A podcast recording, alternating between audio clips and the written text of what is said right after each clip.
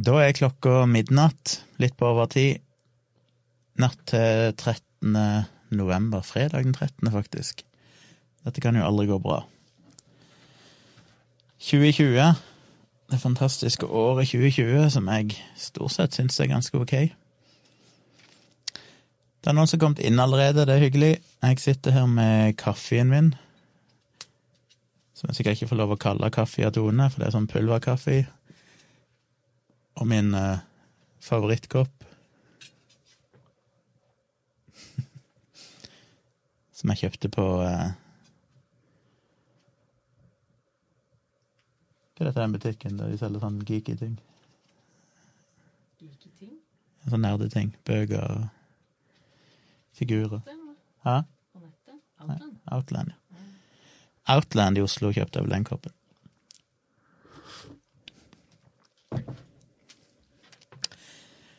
Nei, jeg drikker jo god kaffe ofte.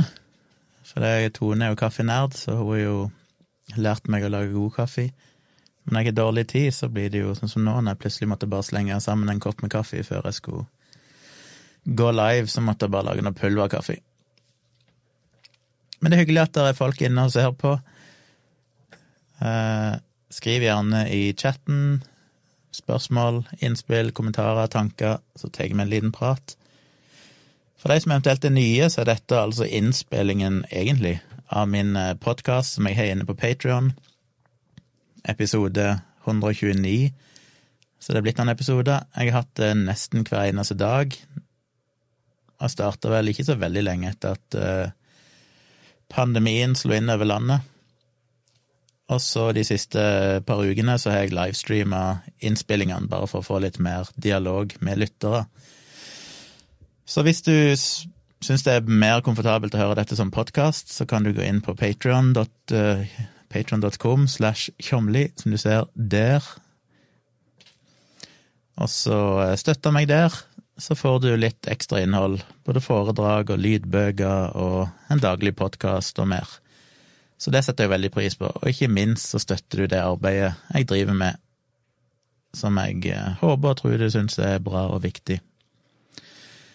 Så jeg sitter her og prater, og en del hører det som podkast.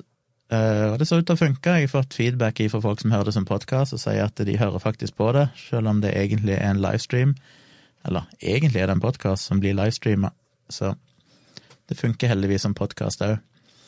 Derfor leser jeg jo opp alle kommentarer og sånn fortløpende når jeg kommenterer de, sånn at de som bare hører dette som lyd, får med seg det som skjer. For begynner begynne med å ønske dere velkommen. Vi har mange her. A. Belotti sier hallo, hei. Marita, hei. Anomi er jo en fast gjest her. God kveld. Det er noen nye navn her. Kai. Skvalen. Anomi støtter Tone i hennes kaffenerderi. Ja, det er godt med god kaffe, men jeg er nok ikke så kresen som Tone. Det er jo generelt sett ikke med noen ting av mat og drikke. Thomas, hei Thomas. Anomi mener at pulverkaffe er bittert vann. Ja, Det kommer helt an på pulverkaffen, syns jeg. Denne her er kaffe med kokossmak. Av kuriositet så så jeg det i butikken. De hadde kaffe med kokossmak og en med noe sånn karamell og sjokolade. Syns det var litt gøy, så det måtte jeg prøve.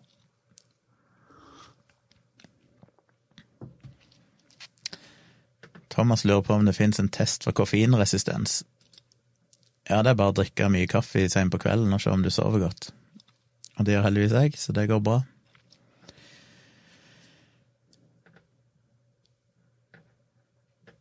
Um, ja. Bare les litt kommentarer. Før jeg begynner med kommentarene, så tenkte jeg bare å rante litt. Um, jeg har nettopp sett Debatten på NRK. Og temaet i kveld var jo koronavaksinen. Og det er Jeg er alltid litt delt i det der konseptet med at de må invitere noen som er kritiske til vaksinen. Fordi Jeg er usikker på nytten. Jeg er ikke helt, helt sikker. Jeg skjønner poenget med at du skal ha noen som er, er kritiske, og du skal ha noen som eh, på en måte snakker den andre sida. Men ja, det, er, det, er kanskje legitimt i dette tilfellet, bare fordi at det, det går an å ha en legitim usikkerhet og skepsis rundt uh, den nye koronavaksinen. Jeg skal ikke si altfor mye om det, for det snakka jeg lenge om i uh, Dialogisk, som kom ut i dag. Så hvis dere sjekker ut nyeste episode av podkasten Dialogisk med Dag Sørås og meg, så kan dere høre mot siste halvdel, så ranter jeg ganske inngående om uh, koronavaksinen og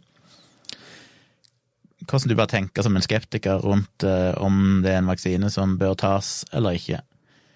Som en selvfølgelig ikke kan vite 100% akkurat nå, men gitt at det er en vaksine som blir godkjent og ansett som trygg nok og effektiv nok.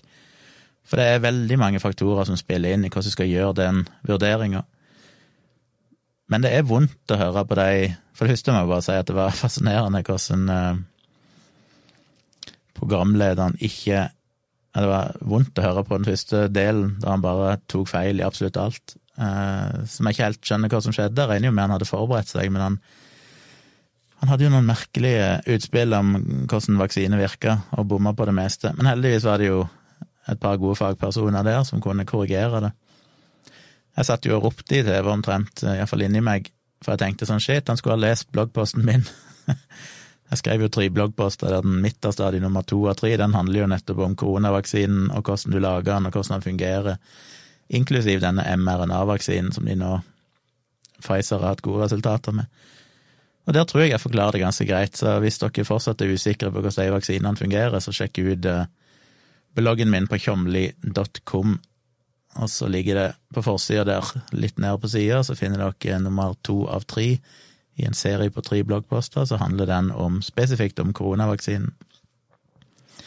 Den første av de delene handler jo om svineinfluensavaksinen, og hva vi kunne lære av det, og det var jo relevant for kveldens debatt, så det var jo noe jeg skulle ønske mange leste, for å sette seg litt mer inn i hva som egentlig skjedde eh, med svineinfluensavaksinen i 2009, og hva den eventuelt har å si for risikoen, og, og hvordan vi bør tenke rundt en ny koronavaksine. Men eh, ja, nei, det var frustrerende å se, og jeg Det er jo Jeg blir jo irritert når de inviterer Sølje Bergman, fordi det hun sier, sånn jeg oppfatter det, er ikke helt sant. Det er klart at når du er på TV, og du vet du kommer til å bli møtt av oppegående kritikere, så vil jo hun tone ned budskapet sitt og si at nei, nei, nei, hun er jo ikke mot vaksine, hun er jo ikke noen vaksinemotstander. Uh, hun er bare kritisk og naturlig skeptisk. Men hun har altså ikke gitt MMR-vaksinen til ungene sine. Som en vel kan argumentere med er kanskje den viktigste av barnevaksinene å få. Uh, ja, iallfall en av topp, uh, toppvaksinene som du bør få. Og det er veldig rart når hun da etterpå argumenterer med at eneste grunnen til at hun er usikker på koronavaksinen, er fordi at vi ikke vet nok, og det er ny vaksine og alt dette her. Men MMR-vaksinen har jo for svingene vært i bruk i Norge i 30 år, og vi har sett én, visstnok ifølge Folkehelseinstituttet, én alvorlig bivirkning knytta til den vaksinen, mens det er vaksinert Han har ikke et tall i hodet, det står i bloggen min et eller annet sted, men vi har jo altså vaksinert de fleste årskull fra 1981 og fram til i dag med MMR-vaksinen, og han er praktisk talt vært 100% sikker og veldig, veldig effektiv og gi deg beskyttelse livet ut mot blant annet meslinger. Og så står hun og sier hun ikke vaksinemotstander, men hun vil ikke gi ungene sine den vaksinen. Og argumentet hennes, ut ifra det jeg har lest tidligere, er jo at hun mener meslinger er en naturlig sykdom som det er sunt at ungene får. Og det irriterer meg litt at hun får stå uimotsagt på debatten og fremstille seg sjøl som noen som på ingen selvs måte er imot vaksiner, hun er bare litt usikker på nye vaksiner. Så har du kanskje den mest gjennomprøvde vaksinen av alle, og en av de viktigste vaksiner ungene kan få, og så vil du ikke gi den til ungene sine, for det er jo en idiotisk idé som er stikk i strid med all god vitenskap om at det ikke er sunt for ungene å få den fordi det er sunnere å bli naturlig syk. Og i tillegg til at, hvis du tar mesling alene, i tillegg til at rundt tre per tusen som smittes av meslinger, til og med i Norge, i vestlige land, med godt helsevesen, god ernæring, alt som skal til, så dør ca. tre av tusen. Eller to til tre av tusen. I tillegg, og de fleste dør av lungebetennelse, sånn som en komplikasjon når du får meslinger, noen dør av hjernebetennelse. Men så er det jo en del ny forskning nå som viser at hvis du får eksempel meslinger, så svekkes immunforsvaret ditt i mange år etterpå, og gjør deg mye mer utsatt for andre sykdommer. Så det å få meslinger betyr ikke bare at du er i risiko for meslinger og komplikasjonene knytta til meslinger, men òg for en del andre sykdommer. Så det er totalt uansvarlig å ikke gi ungene sine MMR-vaksinen. Og som jeg har sagt, både skrevet i bloggen min og snakka mye om i Dialogisk i går, jeg skjønner usikkerhet og skepsis rundt en ny koronavaksine. Det er naturlig, og det er sunt, og jeg sjøl vil ha veldig gode data før jeg vil si at den vaksinen er god nok. Men du kan ikke la henne stå uimotsagt på TV og fremstille seg sånn som hun gjør. Eh, hvis hun hadde vært en helt ukjent person som ingen hadde hørt om før, greit nok, men hun har jo brukt de ti siste årene eller noe sånt på å stå fram i media gang på gang, skrive i bloggen sin osv., osv., der hun gjør folk usikre på vaksiner, og spre et budskap som er totalt uvitenskapelig og feil. Og så står hun på TV og sier at hun er opptatt av vitenskapelig forskning, at det må være vitenskapelig testa, da vil hun føle seg trygg. MMR-vaksinen er fuckings så godt testa og brukt i over 30 år, og gitt til hundretalls av millioner av mennesker over hele verden uten at en har sett alvorlige bivirkninger. Hvis ikke 30 år med data er godt nok, og millioner på millioner av mennesker, ja, da kan du ikke lenger si at du ikke er vaksinemotstander når du ikke vil gi den vaksinen til ungene dine. Og det er det er irriterende, for å si det veldig mildt.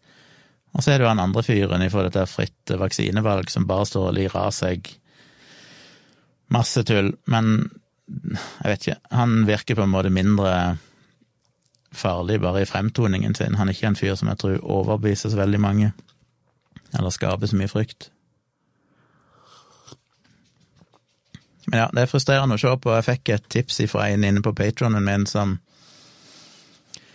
som eh, sa kanskje jeg burde lage en reaction-video til debatten, og det var egentlig en god idé. Fordi når jeg eh, sitter der og ser på, så er det jo så mye jeg brenner inne med og får lyst til å si. Nå sitter jeg og ranter litt om det her, men det er jo òg noe jeg kunne kanskje vurdert å gjort. Det var å lage en reaction på debatten der jeg kan gi de svarene til de folkene som jeg skulle ønske jeg kunne vært der og gitt de. Uh, var det noe mer med den som jeg tenkte på? Nei, jeg må se hva dere skriver av spørsmål. La meg gå litt opp igjen her.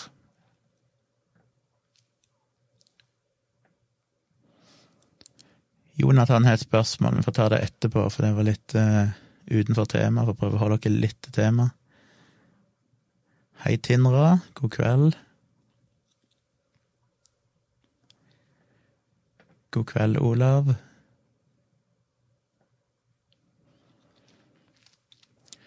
Ja, Thomas sier at uh, Fredrik Solvang unnlot å nevne at lege Sigurd Nes er antroposof, og de er motstandere av vaksiner av religiøse grunner. Ja, det er jo delte meninger om det. De er jo ikke alltid de vil iallfall være ærlige på det, selv om Steinerskole i europeisk sammenheng uh, de siste 20 årene har vært veldig ofte vært senter for meslingutbrudd, fordi det er en skepsis mot vaksiner. Så er det jo noen som vil si at ja, men det er ikke noe som egentlig ligger i antroposofien, det er mer det at Steinerskole og disse miljøene ofte tiltrekker seg folk som er litt alternative, som i utgangspunktet ville vært skeptiske eller kritiske eller mot vaksiner, uavhengig av antroposofien. Så, men, men det, er jo allikevel et faktum at uh, Steinar skole ofte har veldig, veldig lav vaksinedekning, unger som gjenger på Steinar skole. Erik Arnesen sier skeptikerne og Da setter han skeptikerne i hermetegn, da mener han vel antivaksinefolkene. I kveldens debatt har tydeligvis en helt usannsynlig høy standard for sikkerhet. Hvis ikke engang 99,999 sikkerhet er bra nok, sier det seg selv at de ikke er skeptiske, men benektere. Fikk jeg det opp på skjermen? Sånn. Ja, og det mener jo jeg òg. Eh, samtidig så må man huske at eh, Og det er, det er jo studier som har vist dette tidligere, at de som forstår minst av hvordan disse prosessene foregår, med godkjenning og, og forskning og testing, er jo de som er, minst, nei, som er mest motstandere av vaksiner. Så den motstanden handler jo veldig ofte om at de rett og slett bare ikke vet hvordan det fungerer. De skjønner ikke hvor rigid dette systemet er. Og til og med med svineinfluensavaksinen så var jo den Alt etter hvordan du måler det, men i norsk sammenheng, hvis du bare tar tallene på de som fikk, eh, som en antar har fått narkolepsi av vaksinen, sammenlignet med antallet som ble vaksinert, så var den i praksis 99,99 ,99 sikker. Det var 0,01 altså 1 av 10 000 av de som ble vaksinert, som fikk denne bivirkningen. Og det var ille nok til at vaksinen ble tatt av markedet. Så det sier jo litt, en må liksom huske på at til og med en vaksine som er 99,99 ,99 sikker, blir ikke ansett som trygg nok hvis det er en alvorlig bivirkning som rammer de veldig få. Og det da å drive og snakke om at det burde vært ti år med testing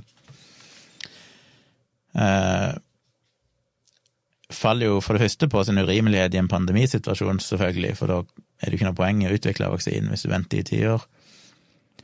Men det andre er jo det at jeg tror ikke de, ja, som Arnesen sier, jeg tror ikke de skjønner det at hvis du er testa nok mennesker, og det trenger ikke være så veldig mange tusen, så har du nok data til å kunne si at hvis det er en bivirkning, så er den iallfall så sjelden at eh, ja, han er veldig sjelden. Og da kommer det viktige poenget inn, som jeg ranta om i Dialogisk i går, som jeg tror disse folk kan glemme, og det er jo det jeg alltid kaller for det falske nullpunktet, den ideen om at hvis det finnes en bivirkning ved vaksinen, selv om man bare rammer én av en million, så er den risikoen såpass høy at det er best å ikke ta vaksinen for du kan jo være den ene av millionen som får den bivirkningen.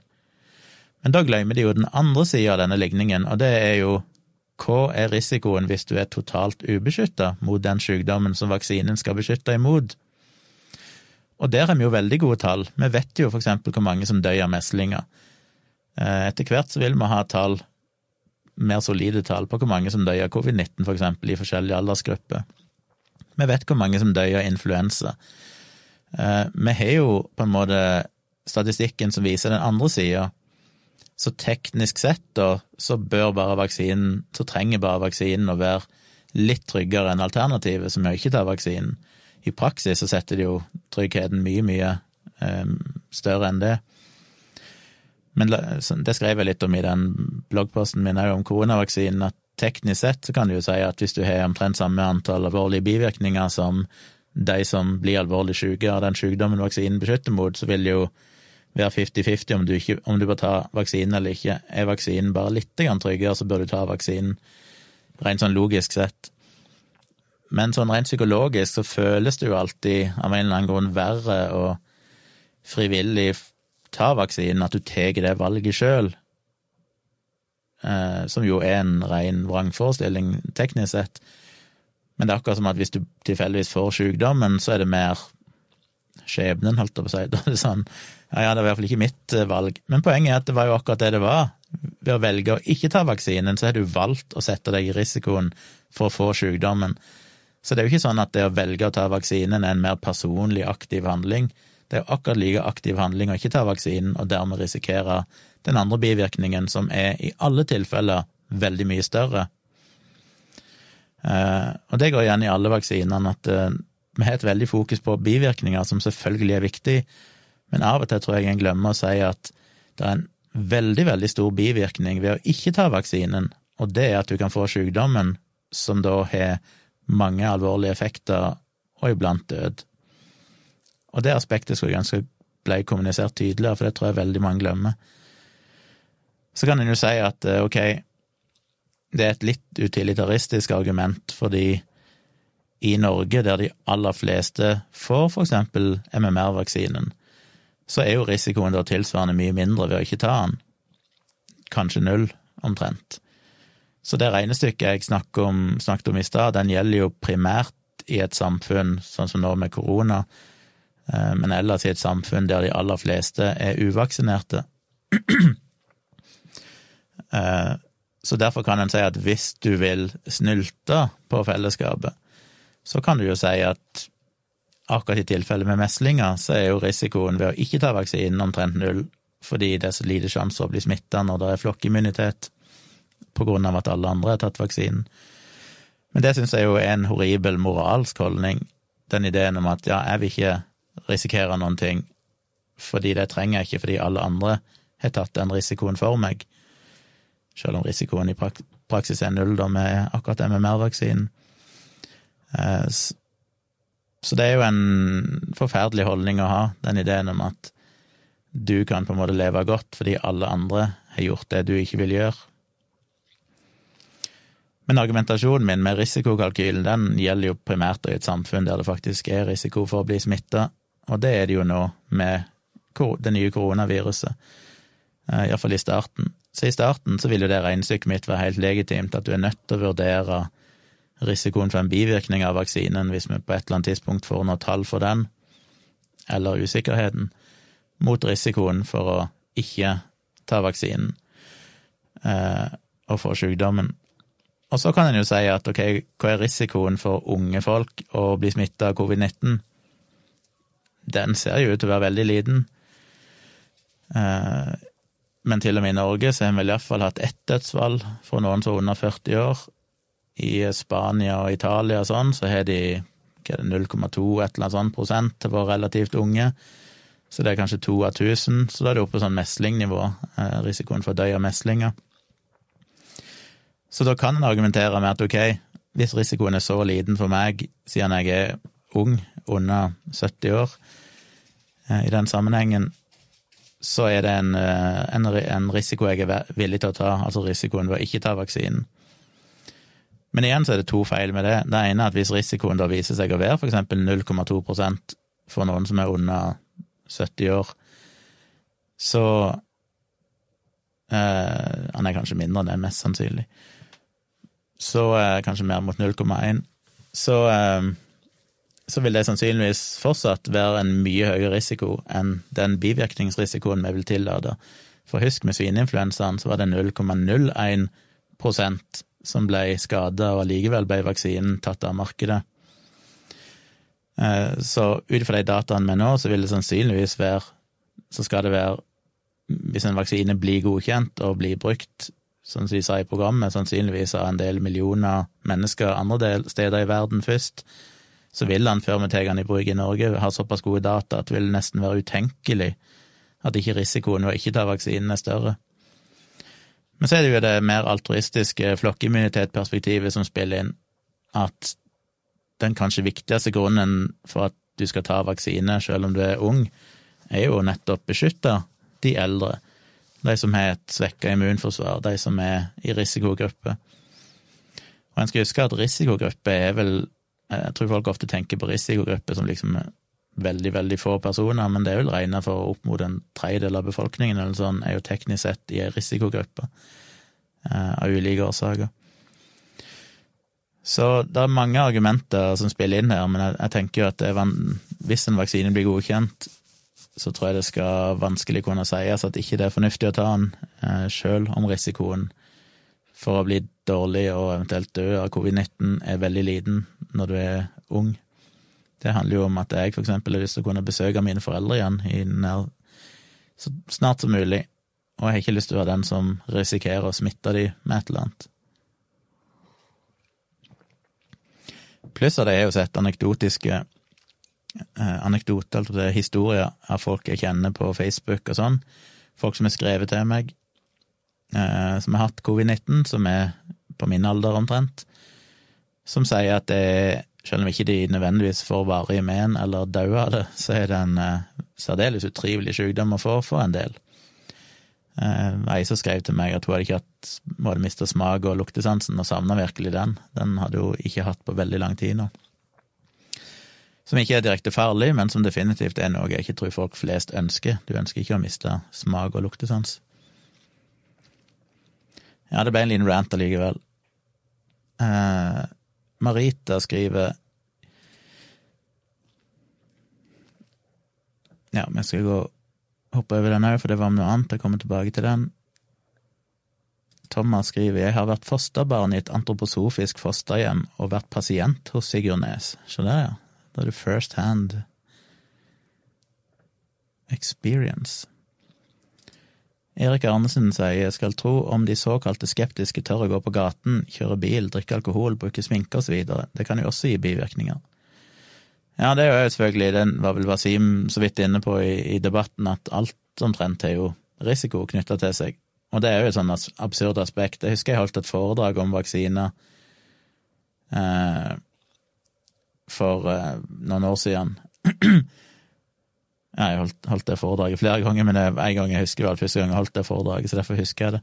Men da husker jeg jeg bare trakk fram en sånn sammenligning, så tok jeg antall mennesker som døy av kvelning for å spise mat hvert år, er jo vesentlig høyere enn antall mennesker som døy av å få vaksine, selvfølgelig i USA, jeg husker ikke tallet, men det er ganske mange tusen i USA hvert år som døy av å spise eple og svelge det feil og kveles av det.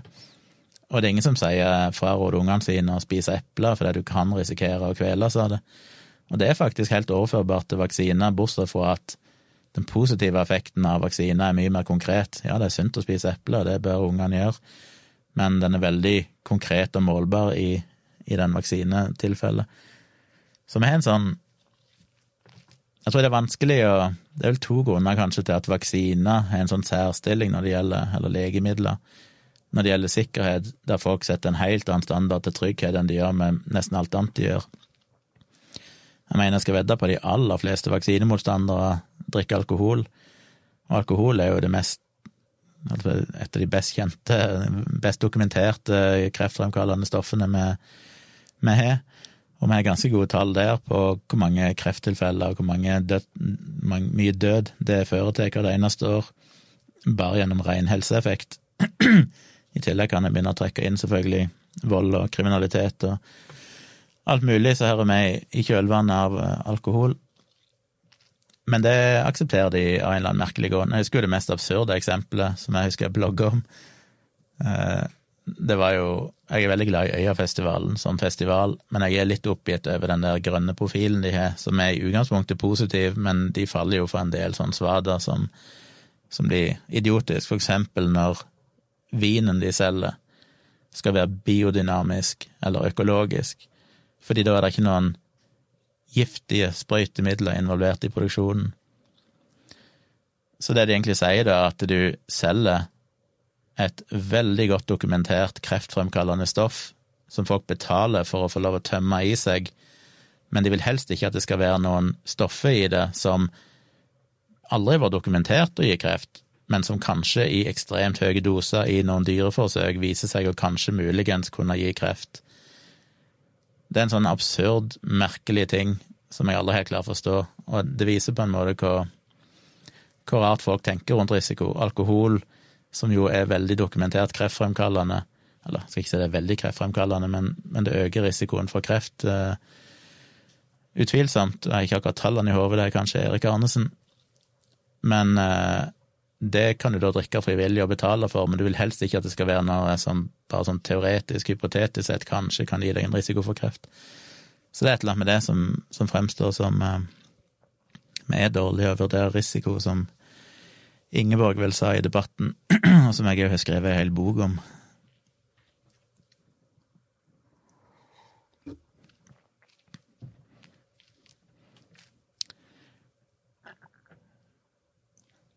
Thomas skriver at han fikk kun homeopatisk medisin for sine plager da han var ungdom. Jesus Christ. Jeg skjønner at du er forbanna og skeptisk. Det er jo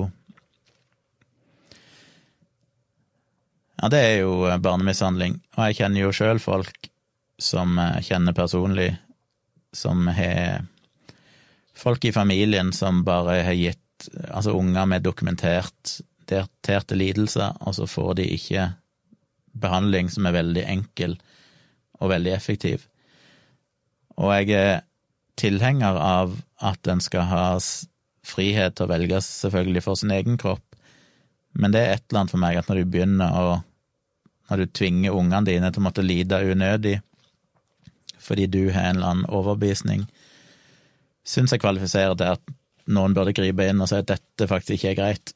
Men i Norge så er foreldrene lov å gjøre det, så lenge det ikke er en Jeg vet egentlig hvor grensa går, dette var ikke noe livstruende sykdommer, men Men ja, det er når en, da en til og med en lege, for eksempel, da eh, gir homeopatisk behandling til folk som har lidelser som det finnes god, effektiv, konvensjonell behandling for, når det er barn som ikke kan ta det valget sjøl, så mener jeg jo at de burde miste legelisens.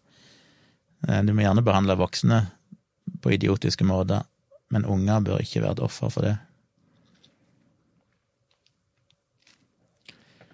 Antroposofene tror det er meningen en del av livet å skulle gjennomgå barnesykdommene, skriver Thomas. Ja, det var jo min første store bloggpost om eh, vaksiner. Handla jo blant annet om det. Og da var det jo Jeg kommer ikke på navnet på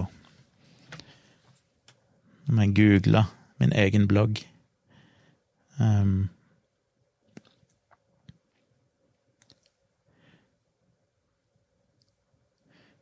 Bare for å få det rette navnet her. Oi. Hva i all verden klarte jeg ikke å finne? Kanskje jeg stava det feil? Gro Lystad. Gro Lystad er jo homopat og antroposof, og i 2011 så skrev jeg en lang bloggpost der jeg kom med et tilsvar til en tekst hun hadde skrevet, der hun trakk fram alt mulig rart om vaksiner.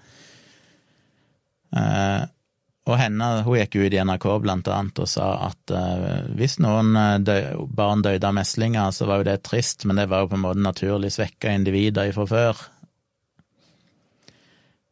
Som jo er uh, Folk reagerer veldig på, det, med, med, god grunn, men det er litt rart at ikke vi reagerer kanskje like aggressivt på den, at den ideen er jo relativt utbredt akkurat i dag, bare at istedenfor at du snakker om små barn, så snakker vi om gamle.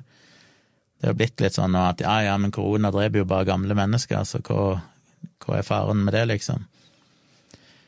Eh, eller folk som allerede har en underliggende sykdom, som er liksom svekka individer. Det er en merkelig holdning å tenke at ja, men det er det ikke så farlig med, når holdningen burde være nøyaktig det motsatte, at nettopp fordi vi har svekka individer i befolkningen, så bør vi alle ta hensyn og gjøre det vi kan for å stoppe spredning av smitte. Rob Seib skriver det forundrer meg stadig vekk hvordan vaksinemotstandere har tilsynelatende fått et større rom til å kunne spre feilinformasjon. Vi ser det også med spredningen av andre konspirasjonsteorier som Q, og at den type informasjon er så utrolig lett tilgjengelig. Finn én video med alternative nyheter på YouTube, algoritmen plukker dette opp, og plutselig blir du anbefalt alternative grupper på Facebook. Ja, det er et problem, selv om YouTube har skjerpa seg en del på en del av disse konspirasjonene. Og er ganske flink til å ikke la algoritmene plukke de opp. Men at de har fått mer eh, rom til å kunne spre feilinformasjon, er jo selvfølgelig bare en konsekvens primært av internett og sosiale medier, der alle kan være sin egen redaktør, og, og det koster deg ingenting å spre informasjon eh, potensielt sett til hele verden. Veldig enkelt. Og det er et problem som jeg òg har snakka mye om ideologisk tidligere. Jonathan skriver de fleste vaksinemotstandere bryr seg jo faktisk ikke om vaksinen fungerer. Om koronavaksinen hadde hatt 99% effekt, så ville de fortsatt mast om ukjente bivirkninger. Ja, det er jo egentlig det de sier når han snakker om eh, Han legen snakket om at de burde egentlig teste vaksinen i ti år. Så er du egentlig over på det samme argumentet som disse strålehysterikerne bruker. For det, når vi hadde 15 år med data, så sa de at ja, det er kanskje ikke vist å være noe farlig med mobilstråling etter 15 år, men vi trenger mye lengre data, mye lengre tidsserier med data. Så kommer du til 20 år, og fortsatt ja, ok, etter 20 år er det heller ikke noe, men vi trenger fortsatt å vite mer. Så kommer du til 25 år med mobilkommunikasjon, som i, i Norge i dag er hatt.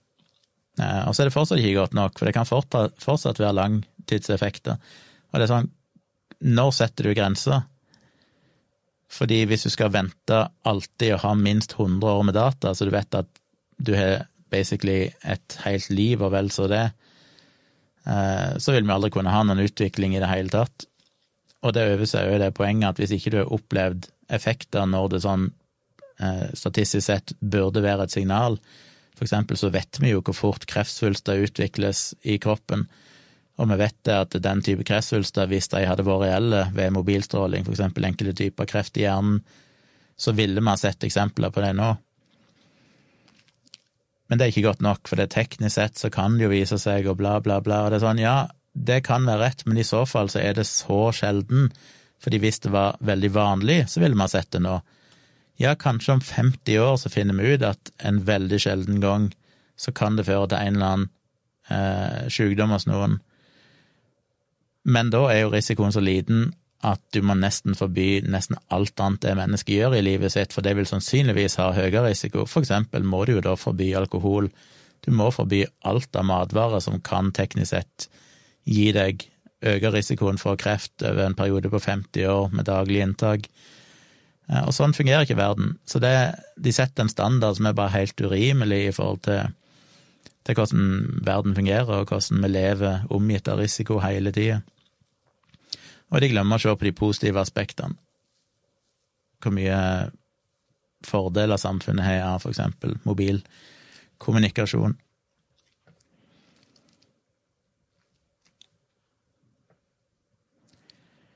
Arnesen skriver Bergman sier hun aldri oppfordrer folk til å ikke vaksinere seg, men samtidig står hun og sier at hun heller velger å ta vare kroppen sin innvendig og så videre, og impliserer dermed at alle som tar vaksiner, ikke tar vare på seg selv eller lever, eller lever sunt. Ja.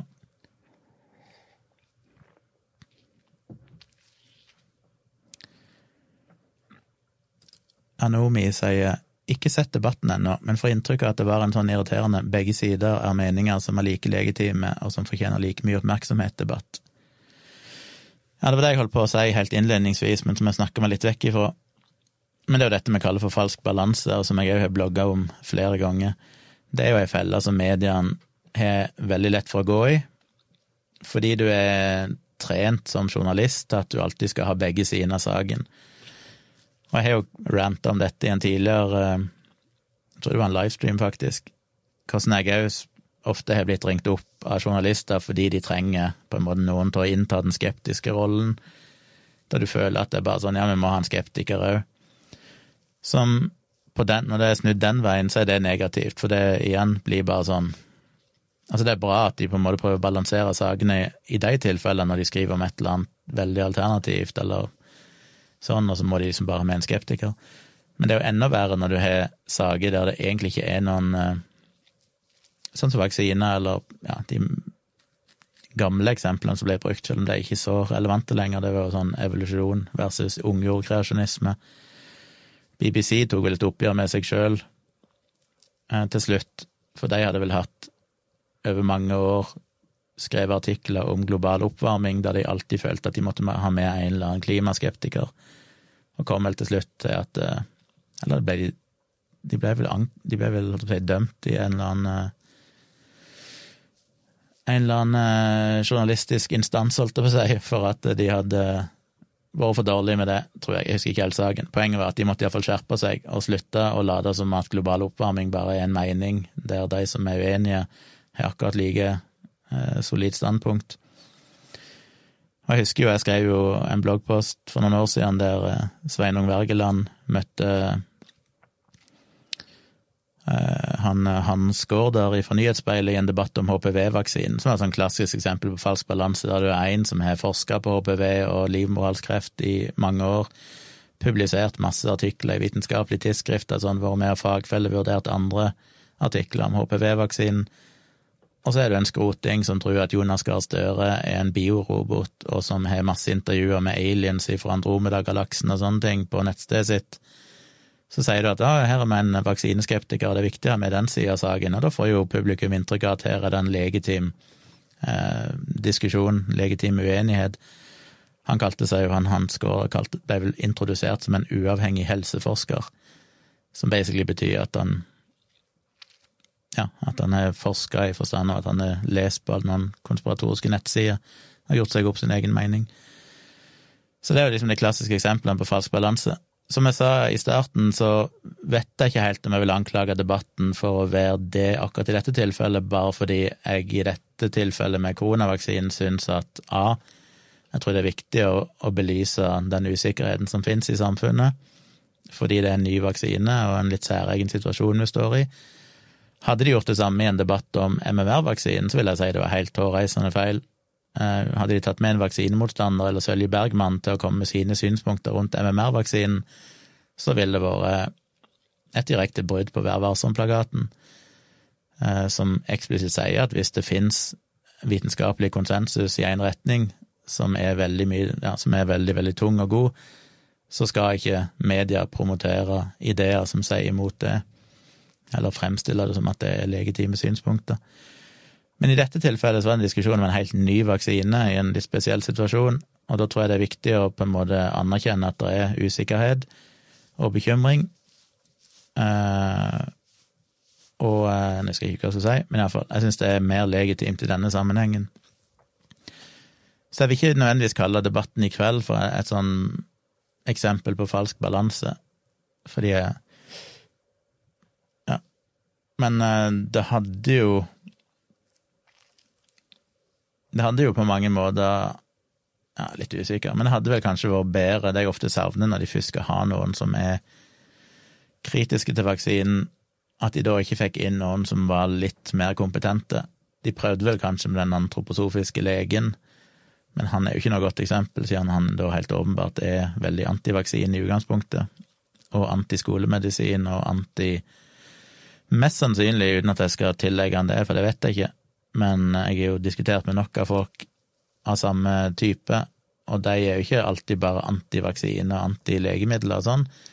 De er jo òg eh, fornektere av at virus og bakterier i utgangspunktet fører til sykdom,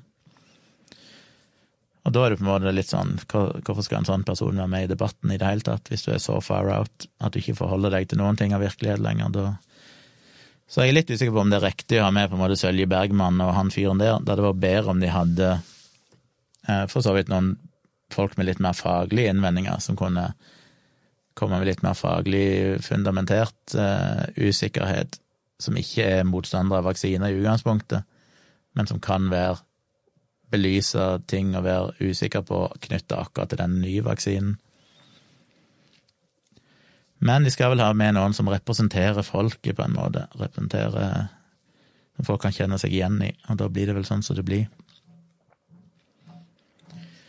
Jonathan skriver Hva tror du om den russiske koronavaksinen Sputnik? Den er jo den første ute på markedet. Hvis den viser seg å være den beste vaksinen, bør vi spørre Russland om å få av dem, eller er vi for stolte? Den har jeg ikke satt meg veldig mye inn i, så jeg vet ikke helt hvor status egentlig er der. De var jo så raskt ute med at jeg ville nok vært veldig skeptisk til, til hvor godt den faktisk er testa, og som Preben Aarvidsland vel nevnte i debatten i kveld, så, så var det vel bare De hadde vel erklært den effektiv bare etter at 20 personer hadde blitt smitta av covid-19 i kontrollgruppa, eller iallfall de fleste av de da i kontrollgruppa, sannsynligvis 19 av 20, eller noe sånt. 18-19 av 20. Eh, så det er jo kanskje, da, uten at vi kjenner alle tallene, eh, ikke nødvendigvis godt nok, for som Preben Aavitsland sa, hvis du er så få mennesker, så er det veldig store usikkerhetsmarginer på hvordan du kan vurdere, sikker, vurdere effekten. Men kommer de med mer data på sikt, eh, så kan jo det selvfølgelig endre seg. Og hvis de da dataene er gode fase tre-studier, og artiklene blir fagfellvurdert og vurdert å være av god kvalitet, så kunne kanskje det vært en mulighet, men jeg er litt usikker på om det er nødvendig, for de har jo allerede såpass mange vaksiner under produksjon og som allerede i mye større grad, tror jeg, er overvåka av eh, disse myndighetene, europeiske myndighetene som følger med på dette, at det vil nok være en sikrere vei å gå uansett, å satse på en av de vaksinene som allerede er inne i bildet.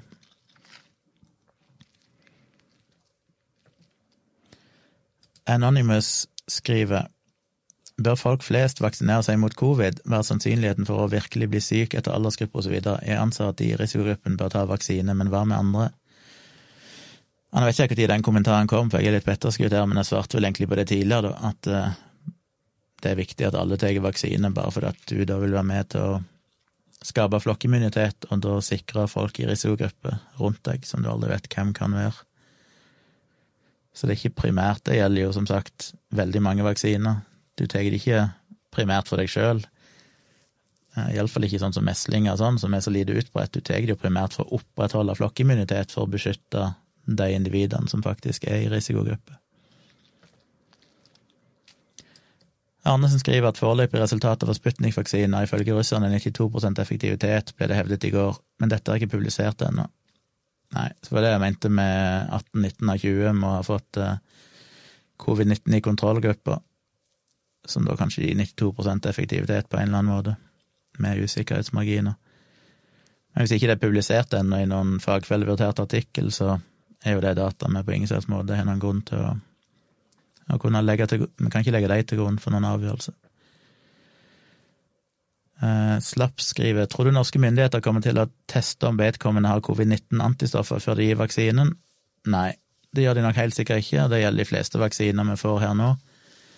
Uh, det er ikke økonomisk fornuftig å bruke tid og ressurser på å teste folk, for det er ikke noe farlig å ta vaksinen for sikkerhets skyld uansett, så Så det vil jo bare forsinke prosessen og være helt uh, og være kostbart og kreve mye ressurser som ikke har for seg, så det kan jeg aldri tenke meg vil skje.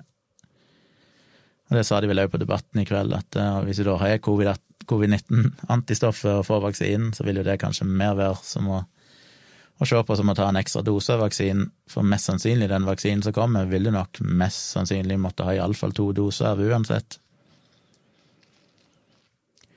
Så flere doser vil ofte kunne styrke immunresponsen og gi lengre effekt. Arnesen skriver til Anonymous de som ikke er i risikogruppen, vil jo beskytte risikogruppa nettopp ved å vaksinere seg selv. Da sprer man heller ikke sykdommen til sårbare. ja. Anonymous svarer ja, men hvis de tar vaksine, blir du ikke smitte etterpå, hvis den funker, da. Ja, så argumentet her er at det er kanskje bedre å ha Jeg sa ikke helt hva argumentet er, men tanken er jo kanskje at hvis du heller bare blir smitta av covid-19, så bidrar du til flokkimmunitet uansett. Det er en veldig farlig strategi, nettopp for det som jeg har sagt mange ganger. Du vet jo aldri om du er den personen som ender opp med å bli alvorlig syk. Eh, du kan ha underliggende årsaker du ikke engang kjenner til sjøl. Eh, så det å risikere å bli smitta for å bidra til flokkimmunitet er ikke en god strategi hvis det finnes et alternativ, som da er vaksinen. Så jeg vil definitivt anbefale alle å ta vaksinen hvis de kan. Arnesen skriver sant nok, men det forutsetter også at de får vaksinen, og den virker aldri perfekt. Enkelte kan kanskje heller ikke ta den av medisinske årsaker. Ja. Anomi skriver aldri vokst opp med noe vaksinemotstand i familien, men da jeg var liten, var det helt vanlig å hive flere barn i samme badekar når en hadde fått vannkopper. Litt tvilsom praksis, føler jeg. Ja, dette er jo eh, en Gro Lystad har vel vært involvert i det, hun òg og argumentert for sånne smitteringer. I USA så har de vel hatt egne Der kunne de jo bestille slikkepinner som er smitta med for eksempel meslinger, som du da kan bestille i posten og gi til ungen din for å smitte de, som jo er helt fascinerende uansvarlig. Eh, jeg kan aldri huske at det skjedde da jeg var liten, men jeg tror ikke jeg heller ville fått det med meg hvis det skjedde men den ideen om at det er bedre å bare få barnesykdommene, er ikke korrekt. For eksempel vannkopper kan vel føre til ikke det som kan føre til helvetesild når du er voksen. Det er definitivt bivirkninger. Det er ikke sånn at vannkopp er bare at du får et lite utslett, og så går det over. Det er risiko knytta til det.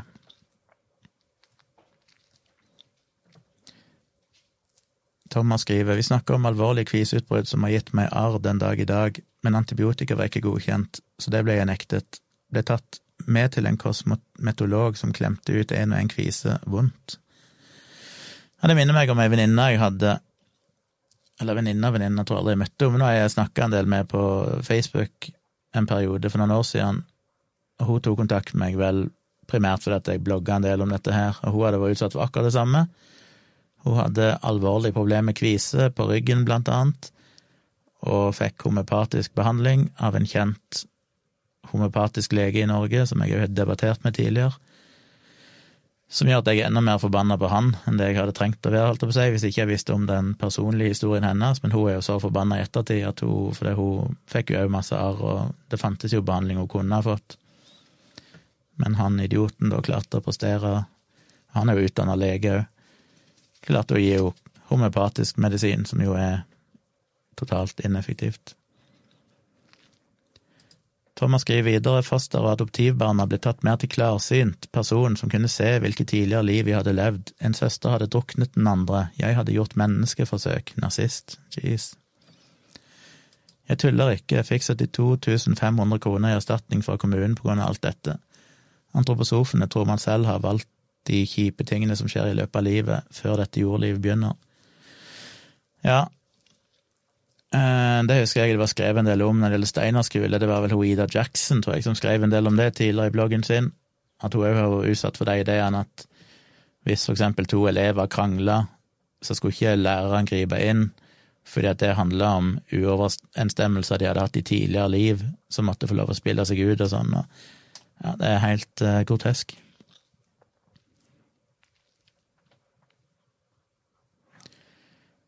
Thomas skriver videre, og at man har valgt hvilke foreldre man blir født hos. Rudolf Steiner mente at barnesykdommene virker utviklende, så får man vaksine, så blir utviklingen utsatt til senere jordeliv. Jeg mener det er for lite fokus på hvor mye psykisk terror slik karmatenkning har, selv om det er nokså få antroposofer. Ja, jeg har jo skrevet litt om deg i bloggen min. Ida Jackson skrev jo en del om det i bloggen sin tidligere, hvis den fins ennå, det husker jeg ikke. Hun skrev vel, eh, endte hun opp med å skrive ei bok òg om det, det husker ikke helt nå. Kjartan skriver ingen virussykdom har noensinne oppnådd flokkimmunitet uten en vaksine. Eh, nei, det er vel sannsynligvis riktig.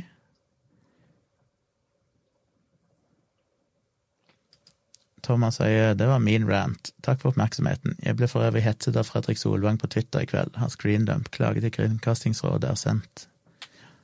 Det må jeg sjekke ut. Arnesen skriver ifølge nye studier fra England tror motstandere av covid-19-vaksiner oftere at viruset er skapt i en lab, og er mindre bekymret for alvorligheten. Ikke uventet at det overlapper, overlapper med konspirasjonsteorier. Nei, Av og til tenker konspirasjonsteoretikere, eller de vet jo ikke sjøl at de er det, eller de tenker ikke at de er det, men folk som er veldig overbevist over at covid-19 for eksempel er en slags konspirasjon, eller er menneskeskapt, eller at vaksiner generelt sett er farlige. Når de da går i seg sjøl og tenker at de alltid òg ser ut til å, å, være enige med andre ting, som ikke har noe med vaksine og helse å gjøre, men som òg er konspiratoriske og totalt i strid med etablert kunnskap, så er det nesten rart for meg av og til at ikke de tenker sånn oi, shit, jeg er blitt fanga i et eller annet ekkokammer her. For det er ingen egentlig logikk at det alltid skal være sånn at du må være uenig med offentligheten.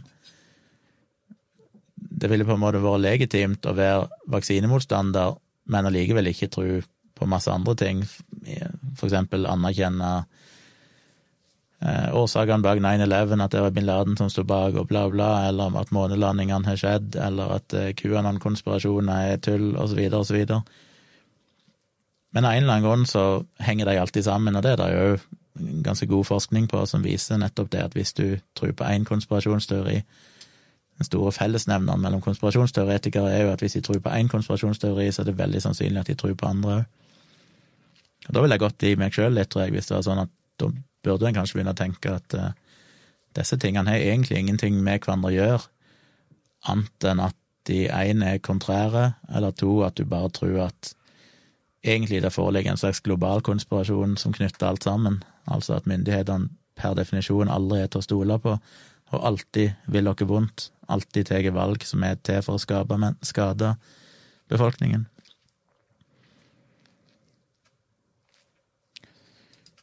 Kjartan skriver problemet er at det gir den optiske illusjonen at det finnes en 50-50 ratio i argumentene. Det gjør jo samme sak med klimaskeptikeren osv. Hvorfor skal vi ha Flat Earthers på TV uansett. Ja, jeg skjønner at jeg henger litt etter kommentaren her, sikkert, for det var jo det jeg sa i stad. Fins ingen grunn til å gi disse galningene luft. Nei, nå har vel ikke i norsk media sett særlig mye til at Flat Earthers får så mye mediedekning. Han eh, Christian Påske har vel vært i en og annen artikkel. Var med i Folkeopplysningen, men da var det jo fordi han skulle fylle nettopp den rollen som eh, konspirasjonsteoretiker. Men ellers syns jeg ikke det var så mye av det, heldigvis.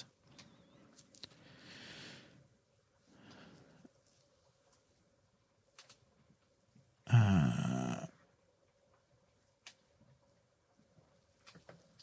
Jeg hopper over litt kommentarer her, for det er mye gjentakelser. Men Jonas skriver mange er skeptiske til vaksinen og mener den er forhastet og kan være skadelig. Hva vil du si til de? Ja, det har jeg egentlig sagt tidligere i sendingen her. Eh, pluss at jeg vil anbefale å høre dagens Dialogisk, som kom ut nå i kveld. Torsdag, altså. 12. november. Sjekk ut den. Det var vel episode nummer 149, tror jeg. Sjekk ut episode 149, som vel heter Endgame. I siste halvdel cirka der så snakker jeg ganske mye om hva jeg ville sagt til deg, i tillegg til de bloggpostene jeg har på bloggen min på tjomli.com, der jeg skrev en del om det, så Jeg eh, satt jo oppe i går kveld og i natt og skrev en ny bloggpost. Hvis ikke dere har sett den, sjekk ut den. De som har hørt på podkasten her eh, tidligere, som er patrions, før jeg begynte å livestreame, de har fått med seg litt av det tidligere, men jeg nevnte at jeg hadde fått en mail som jeg fikk for ja, tre uker siden, eller sånt. Tre-fire uker siden, husker jeg helt. Der noen hadde copy-pasta ei liste med spørsmål rundt pandemihåndteringa og de tiltakene som er innført i Norge, og bruk av munnbind og alt dette her. Og ville ha svar på disse spørsmålene. Den som sendte de til meg, eh, var jo ikke enig i spørsmålene eller enig, men han tenkte at jeg kunne kanskje ta en kikk på dem.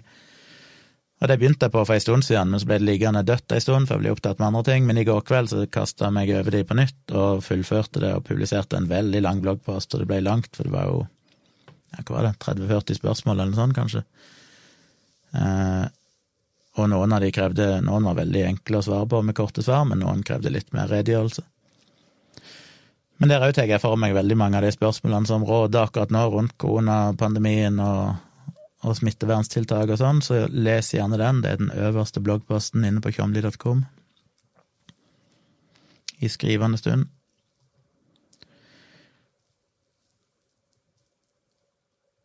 Ja, eh, det er mye interessant der, jeg må bare gå litt opp igjen, for vi må ta noen av de spørsmålene som kom tidligere, skifte litt tema.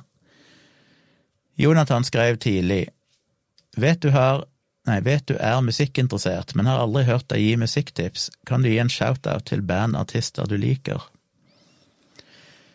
Eh, jeg snakka litt om det tidligere i podkasten inne på Patrion. Der hadde jeg noen episoder der jeg i ny og ne har gitt musikkanbefalinger og lagt inn linker i eh, podkastnotatene som jeg deler inn på Patron, til artister sånn som jeg liker, på Spotify, for eksempel. Og jeg hadde vel en liten rant her inne på livestreamen òg for noen dager siden, om at eh, Nick Kershaw hadde kommet med nytt album. Så Nick Kershaw er jo en av mine store, store musikalske helter, som nettopp kom med et album som heter Oxymoron, som er tilgjengelig på Spotify, som jeg syns er helt fantastisk. Men ellers syns jeg det er vanskelig med dette med For jeg liker så fryktelig mye forskjellig musikk. Jeg hører på mye av det jeg liksom likt best de siste årene, ting som Snarky Puppy, Uh, Dirty Loops. Men jeg har jo likt veldig mye sånn som Tool og Nine Inch Nails, eller uh, i mine yngre dager var jeg sånn Def Leppard-fan, a-ha-fan. Det er ganske sånn varierende, så det er alltid fra jazz til mer harde ting til veldig glad i kommersiell popmusikk òg. Det er liksom all over the place. Det du kan gjøre hvis du vil se musikken jeg hører på, så kan du gå inn på last.fm og så kan du et eller annet sted der søke på Civix, jeg tror jeg heter Civix74 der inne. Så jeg lurer på om adressen er last.fm slash users slash Civix74, eller noe sånt. Men ellers kan du vel søke på Civix74. CIVIX74, som er brukernavnet mitt der inne. Og der ser du all musikken jeg har hørt på stort sett siden 2000 og Når begynte jeg? 2007, eller noe sånt? Ja, så det er mange, mange år med musikk som er logga der inne, for den logger alt jeg spiller i Spotify og iTunes og sånne ting. Og da kan du et eller annet sted der inne, så kan du få sånn liste over hva jeg har hørt mest på og sånn. Og da får du et greit inntrykk av hva jeg faktisk hører på. Ikke alt som er like representativt, for at i periodene jeg ikke jobber mye og sånn, så har jeg ofte bare satt på noen playlist med ting jeg ikke alltid engang vet hva er, men bare sånn 'nei, dette er kult', og så bare går det, og så spiller jeg det fryktelig mange ganger, så de øker veldig på de listene på last.fm, uten at det nødvendigvis betyr at hvis jeg skulle gått inn og valgt hva jeg skulle høre på, så er jeg ikke sikker jeg hadde valgt akkurat det. Men siden de har vært på de playlistene, så jeg blir like sjokkert sjøl av og til når jeg går inn og ser på eller får sånne årsoppsummeringer fra Spotify. Så dette hørte du mest på i fjor. Og så er det sånn, hæ? Aldri hørt om det bandet engang. Men så er det tydeligvis et eller annet som har vært på en playlist, så det har forsøpla listene mine litt. Men uh, Last FM er jo veldig ærlig i den forstand, istedenfor at jeg skal si artister som kanskje gir kred på en eller annen måte, eller som jeg er stolt av å høre på. Så får du den rå sannheten på Last.fm, da du oppdager at jeg hører på ganske mye piss òg. Og når jeg sier piss, så mener jeg egentlig veldig bra musikk, men som ofte blir sett på kanskje som litt mer kommers og ikke så veldig kul. Så vi scroller litt nedover her. Hva var det neste spørsmålet? Det var Marita, hvis hun er her fortsatt. Jeg var så uheldig å se Åndenes makt-filmene og Snåsamann-serien. Eh, YouTube tenkte da at jeg var umåtelig interessert i disse, og har siden bombardert meg med andre videoer med Snåsamann og ånder. Ja, det tror jeg jeg snakker om i enten var det her eller var det dialogisk, at det er et problem. Fordi det hender av og til at jeg òg skal sjekke ut en eller annen video. Jeg tror jeg nevnte det i forbindelse med Jordan Peterson eller noe sånt. Jeg skulle sjekke et eller annet om han. Eh, det var kanskje nå nylig, når han kom tilbake igjen etter å ha vært sjuk lenge og vært offline. Så kom han jo med en kort video der han bare sa liksom I'm back, så tenkte jeg den må jeg bare se, for det kan jo bli noe vi ønsker å snakke om i dialogisk. Men når du gjør det, så vet du ikke nødvendigvis uh, YouTube, selvfølgelig, at det ikke egentlig er noe du interesserer deg spesielt mye for, og så får du bare masse Jordan Peterson-video etterpå. Det samme var det vel med jeg så en eller annen han der eh, Summer News-fyren på YouTube som hadde en en video om Ben Shapiro, tror jeg. Så tror jeg det var, Og den er jo sånn Den rakker jo ned og kritiserer Ben Shapiro så til de grader. Men fordi jeg så den, så får jeg plutselig opp mye sånn uh, intellectual dark web-videoer med Dave Rubin, og all, hele gjengen plutselig er full av det i feeden min, som jeg overhodet ikke er interessert i. Så det er jo litt problematisk. Når jeg lager en video som kritiserer Snåsamannen, så kan du risikere å få Snåsa-propaganda i uh, feeden din etterpå.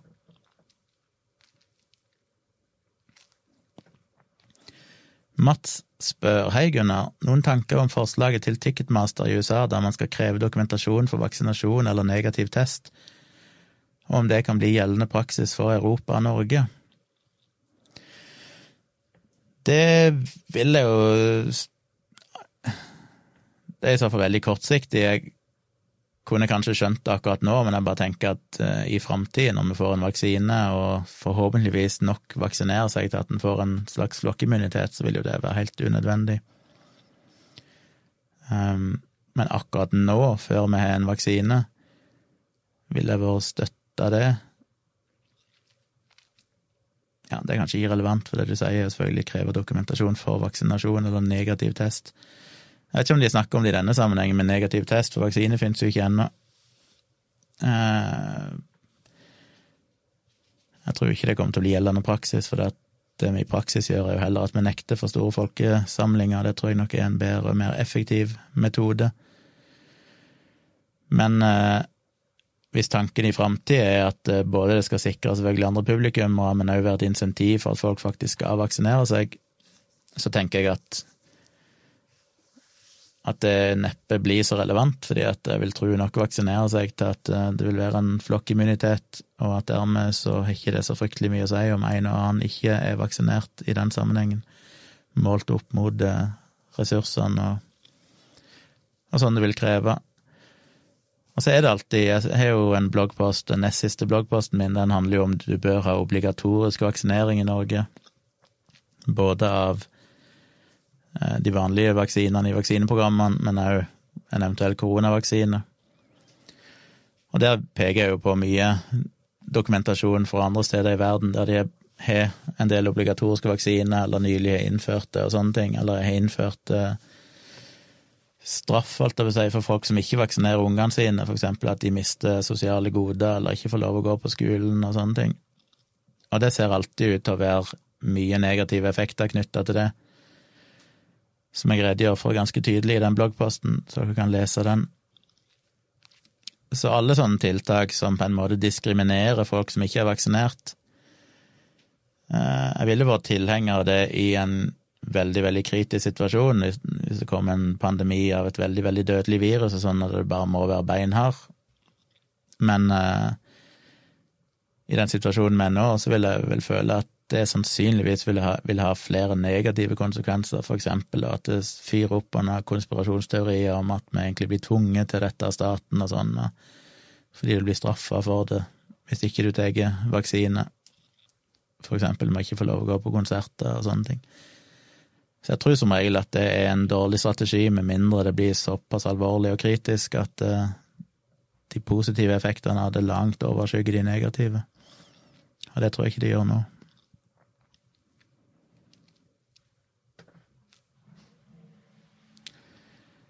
Bare scrolle litt nedover i kommentarfeltet her for å se hvor jeg eventuelt hoppet over tidligere.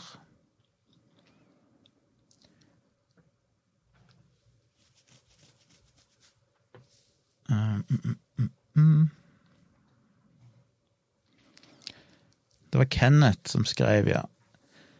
Regner med de fleste her inne er enige om at Donald bare kan pakke rangler og krype ut av huset, men hva tenker du om at Joe Biden hans Hva tenker du om Joe Biden og hans mulighet til eh, både til å håndtere covid og samle landet, som er hans fokus? Um, ja, det blir veldig mye synsing, selvfølgelig, for jeg har ikke nok oversikt over hans policy. Men akkurat når det gjelder det med å håndtere covid, så er jeg jo iallfall optimistisk, for han har jo allerede nå satt ned en task force som skal jobbe med dette, og har jo sagt at 20. Eh, januar, når han overtar som president, så vil det umiddelbart bli innført fødera, altså, eh, ja, føderale tiltak da, på tvers av alle statene.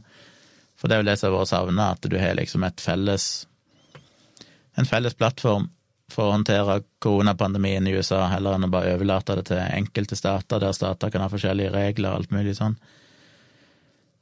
Så, og han har jo òg vist gjennom handling og ord i lang tid, og i hele valgkampanjen, at han tar dette alvorlig. Så jeg er nok optimistisk til at det vil skje ting. På den annen side sett så vil det da være så veldig nær vaksine at det er jo litt synd at det kommer såpass seint disse tiltakene som Joe Biden sannsynligvis vil innføre, burde jo ha vært på plass for et halvt år siden. Men igjen, det forutsetter jo at vi får en vaksine så fort, det vet vi jo ikke sikkert ennå. Når det gjelder å samle landet, så eh, jeg tror nok det er en, faktisk en vesentlig større utfordring enn å håndtere covid. Fordi, og det har vi snakka litt om i tidligere livestreams, landet er jo såpass splitta, og det, det, er polarisert, og det er jo blitt verre de siste årene. Og som jeg har sagt tidligere, så tenker jeg jo at eh, eneste måten du kanskje kan gjøre noe med dette på, er å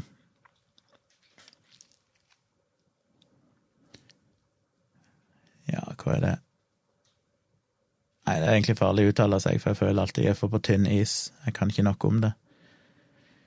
Men en kan si det jo at de, de ideene, eller de, den praksisen med at du som selskap eller firma kan donere store pengebeløp til presidentkandidater, for eksempel eh, At det egentlig bare er lov, er det ikke sånn? Det er egentlig bare lov en personlige gaver, men så ble det vel i en eller annen høyesterettsdom eller noe sånt vedtatt at et uh, selskap kunne anses som en person i den sammenhengen. Hvis jeg ikke husker feil. Og det mener jeg jo ødelegger veldig mye av uh, USA fordi at da blir det jo sånn at da blir det en direkte kobling mellom økonomiske interesser og hvordan du utfører presidentrollen. Du vil jo da være skyldig til noen som har gitt deg noen titalls millioner eller whatever, til å kanskje da innfri deres ønsker rent politisk, selv om det kanskje ikke er i folkets beste hensikt. Og så er det jo media som må kontrolleres på et eller annet vis, som er vanskelig, for jeg mener jo at media skal være fritt. Så jeg vet ikke helt hvordan en skal gjøre det. Men uh, en av tingene en kunne gjøre Hva var det de sa? Det var de Var det i UXA de nevnte det, at det tidligere var en lov i USA som sa at media var forplikta til å, å fortelle det som er sant, på en måte, men at den loven ble avvikla for x antall år siden, og at etter det så ble det jo mye mer fritt fram for kanaler som Fox News og sånn til å basically være ha en veldig politisk lagside og ikke forholde seg til sannhet og fakta lenger. Så om en kan gjøre det på den måten, som jeg vil jo anse som veldig fornuftig, som ikke på noen slags måte begrenser media eh, i hva de kan vise og si, enten at du skal forvente at det er sant, at det skal i utgangspunktet så godt etter deres beste viten, så skal det være sannhet. Det er jo en eh, ting som jeg tror hadde hjulpet veldig i USA, for som jeg har sagt mange ganger, jeg tror media er en veldig stor faktor i dette, og jeg tror det er vanskelig å få gjort noe hvis ikke en klarer å håndtere at media så til de grader er polarisert og eh, har politisk og så videre slagside.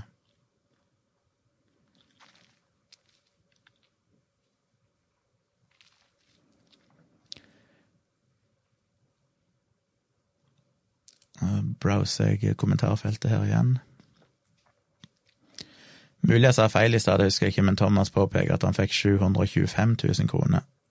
Hvis jeg sa 72 500, så var det feil.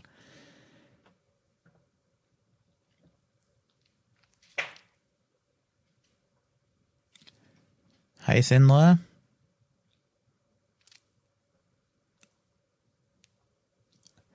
Lynx spør liker du noe opera. Det kan jeg jo ikke med hånden på hjertet si at jeg gjør. Det er ikke fordi jeg nødvendigvis misliker opera, det er bare at jeg har egentlig aldri hørt noe særlig på det, annet enkelte sånne Det femte elementet, opera, alt jeg på å si, og mer sånne ting ifra filmer. Men eh, jeg skal ikke si jeg ikke liker det, det er bare ikke vært noe jeg har vært spesielt eksponert for eller oppsøkt.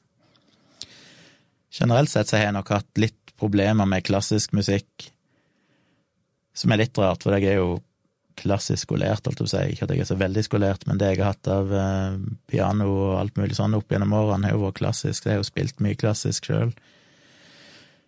Men jeg har ofte hatt vanskelig for å helt sette pris på det fordi jeg er så opptatt av pop og rock. Det er det jeg kan. Jeg har komponert mye, jeg har arrangert mye for kor, jeg har arrangert mye for band.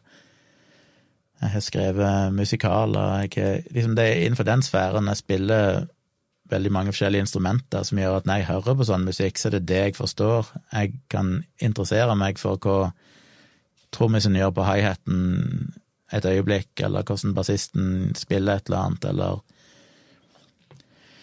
Ja.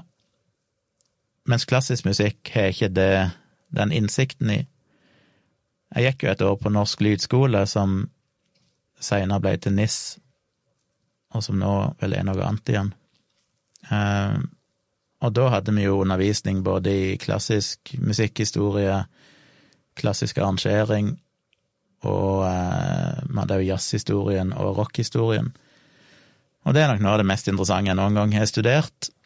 Det var Audun Molde som var lærer, iallfall i eh, Jeg husker ikke om det var han som hadde klassisk òg, det husker jeg ikke. Men iallfall i både jazz- og rockehistorien så var det vel Audun Molde, hvis jeg ikke husker feil. Iallfall i rock, muligens i jazz òg. Han var en veldig god lærer. Han har jo skrevet ei lærebok om rockehistorien som vi var de første som fikk. Så når vi hadde han som lærer, så fikk jo vi egentlig bare sånn oppkopierte ark med førsteutkastet til, til boka. Men jeg ser nå at den, og det er jo Dette var i 95, så det er jo 25 år siden. Nå er vel det standardverket, tror jeg, i musikkutdanning når det gjelder sånn rockehistorie og sånn, så det var jo litt gøy. Og han var jo superflink og kunne jo så mye. Han har vel skrevet masteroppgave om Paul McCartney, tror jeg, eller noe sånt. Men når vi hadde klassisk historie da, så satte jeg veldig pris på det, fordi da fikk vi så mye kontekst. Da ble det fortalt om ja, Til og med når vi hadde om eh, tolvtonemusikk, for eksempel, så var det jo, som er bare helt, holdt jeg på å si, for mange bare støy. Det er ikke noen tradisjonell skala i den forstand. Alle tonene, alle tonene er likeverdige, og det høres bare ut som pling-plong overalt. Men han spilte musikken på for det første et sinnssykt bra anlegg som vi hadde inne i forelesningssalen, som jeg alltid bare elska lyden av, det var så utrolig bra lyd. Men så lærte vi jo alt om det vi skulle høre, så vi kunne analysere det og forstå det. Og i den konteksten så satte jeg pris på en del, og da endte jeg faktisk opp med å kjøpe noen CD-er med klassisk musikk, men så endte jeg vel aldri opp med å høre så veldig mye mer på det seinere. Så for meg er det nok litt at jeg har en en ganske intellektuell tilnærming til musikk, i den forstand at jeg liker det analytiske ved det. Selvfølgelig er det emosjonelt òg, men jeg må i stor grad kunne kjenne meg igjen i det på et vis. Jeg er nok ikke en person som bare kan, kan nyte det på et rent emosjonelt plan. Jeg må ha en slags intellektuell rolle i det, der jeg kan analysere og forstå og verdsette fraseringer og ting som skjer rent musikalsk. Og da er det bare vanskelig for meg å, å, på en måte wrap my mind around klassisk musikk, bare for at jeg kan for lite om det. Og det er jo på samme måte som alt annet av kunst som jeg ikke forstår meg på. Eh, det er fryktelig mye innenfor kunst jeg sannsynligvis hadde likt og verdsatt mye mer hvis jeg hadde hatt en skolering i det, og faktisk forstått teknikker og alt mulig sånn. Og der er mennesker forskjellige, men jeg er nå iallfall der at jeg nok trenger en viss analytisk tilnærming. Bukakeberger skriver Hvordan stiller du deg til dilemmaet med å nyte kunst fra forferdelige mennesker, maleriene til Hitler, musikken til Varg Vikernes eller Charles Manson osv.? Går det an å skille person og kunstverk? Ja, det syns jeg jo absolutt at det gjør. Og det skrev jeg òg en bloggpost om for noen år siden, eh, som tar for seg akkurat det spørsmålet. Fordi eh, det er jo ekstremt Altså, vi har en tendens til å tenke på Varg Vikernes og Charles Manson, og, men hvis vi begynner å se i rockehistorien hvor mange kjente artister som har vært involvert i alvorlig kriminalitet og til og med drap, for ikke å snakke om det som vel alle på en måte vet på et vis, men som det aldri er blitt noen big deal rundt. Og det er jo bare å tenke på hvor enormt mye i dagens eh, forstand direkte overgrep det må ha vært mot unge jenter opp i rockehistorien til all slags band som var store på 60-, og 70- og 80-tallet, men som det ikke var noe fokus på i den tida, men som i dag ville vært helt uh, hårreisende. Så er det jo et enormt antall artister som en teknisk sett burde holdt på å si boikotte. Og det er jo det som er fascinerende, en skal boikotte Michael Jackson fordi at han har eh, aldri blitt dømt for, men det er insinu insinuasjoner ikke sant, om at han har misbrukt smågutter. Som en kunne forstått hvis de hadde vært konsekvente. Men da er det jo fryktelig mye annen musikk de aldri skal spille på radioen, for det er jo, da er det ikke snakk om insinuasjoner lenger, da er det jo folk som faktisk er dømt for veldig mye. Så sjekk gjerne ut den bloggposten, for der tror jeg mange vil få litt hageslepp, og der ramser jeg opp ganske mange kjente artister som jeg tror veldig få egentlig vet om, har vært involvert i temmelig drøye ting. Som jeg henter fra forskjellige lister på internett, og de har lister over dette her som er interessante å se. Så jeg mener jo absolutt at det går an å skille på det. Og så er det jo selvfølgelig mange nyanser her, som det er alltid. Du kan for eksempel eh, ja, kom på et godt eksempel. Ja, det er et godt eksempel er vel Bill Cosby, som jo er en eh, ekstremt hårreisende serieovergriper som dopa ned kvinner og voldtok de i store antall over flere tiår. Det er selvfølgelig mulig å le av komikken hans fortsatt, og synes at han var en dyktig komiker, så du kan jo like det han gjør, men hvis han hadde vært aktuell som standup-komiker nå, for eksempel, så, betyr, så er jeg ikke sikker jeg ville ha Og jeg arrangerte en festival, så er jeg ikke sikker at jeg ville ha invitert han. Så det er på en måte det går an å ha Å både si at du verdsetter kunsten, men ikke nødvendigvis ønsker å gi dem en plattform lenger. Og der er jo det mange nyanser, selvfølgelig. Men poenget mitt er bare at det fins Jeg syns det går an definitivt å sette pris på kunsten til artister og allikevel ta avstand fra det de har gjort, og kanskje ikke vil gi dem en plattform hvis du er i en posisjon der du kan gjøre det.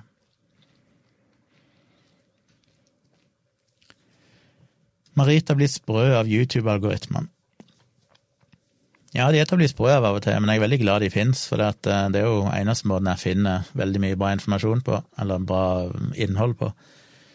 Jeg har jo sett, som jeg har sagt mange ganger, mye videoer om YouTube, nei, om eh, ja, for så vidt YouTube. Jeg har sett mye om YouTube på YouTube, fordi jeg lager YouTube-videoer sjøl og følger mange YouTube-creators, men òg mye fotografer og sånn, og nesten alle de har jo jeg oppdaga fordi YouTube-algoritmene presenterte de for meg, fordi jeg begynte å søke på foto og fant noen random folk som jeg ikke visste hvem var.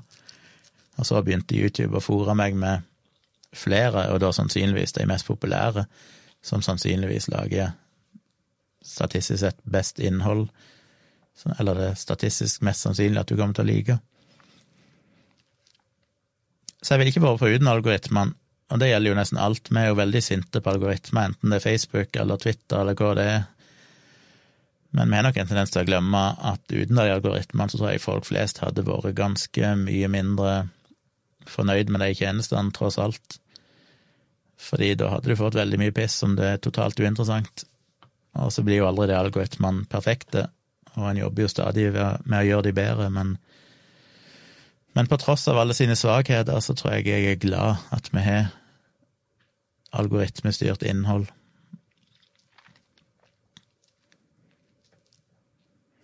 Jonathan sier til Bukakeberger Interessant spørsmål. Selv er jeg kjempefan av musikken til Varg, v Varg VM, holdt jeg på å si. Uh, ja, Varg VM. Varg uh, ifra Bursum. Men avskyr han som person og tar derfor ikke si det til folk før nå. Ja, nei, jeg syns ikke det er problematisk, det. Ikke minst fordi at musikken han lagde Ja, det er kanskje irrelevant, men han lagde jo den musikken, eh, vel, mye av det, før han begikk et drap men han har vel alltid hatt de samme horrible nazistiske holdningene, vil jeg anta, eller iallfall lenge, så det kan en jo avsky uansett.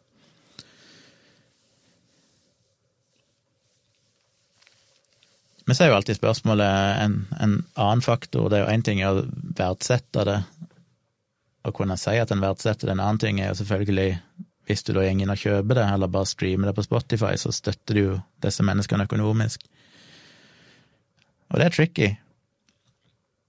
men jeg tror jeg heller i retningen av at det Nei, det er vanskelig, for det er litt sånn hvis de hadde hatt en innsamlingsaksjon, så tror jeg ikke nødvendigvis du ville gitt penger til dem, for du ville ikke aktivt støtte dem økonomisk.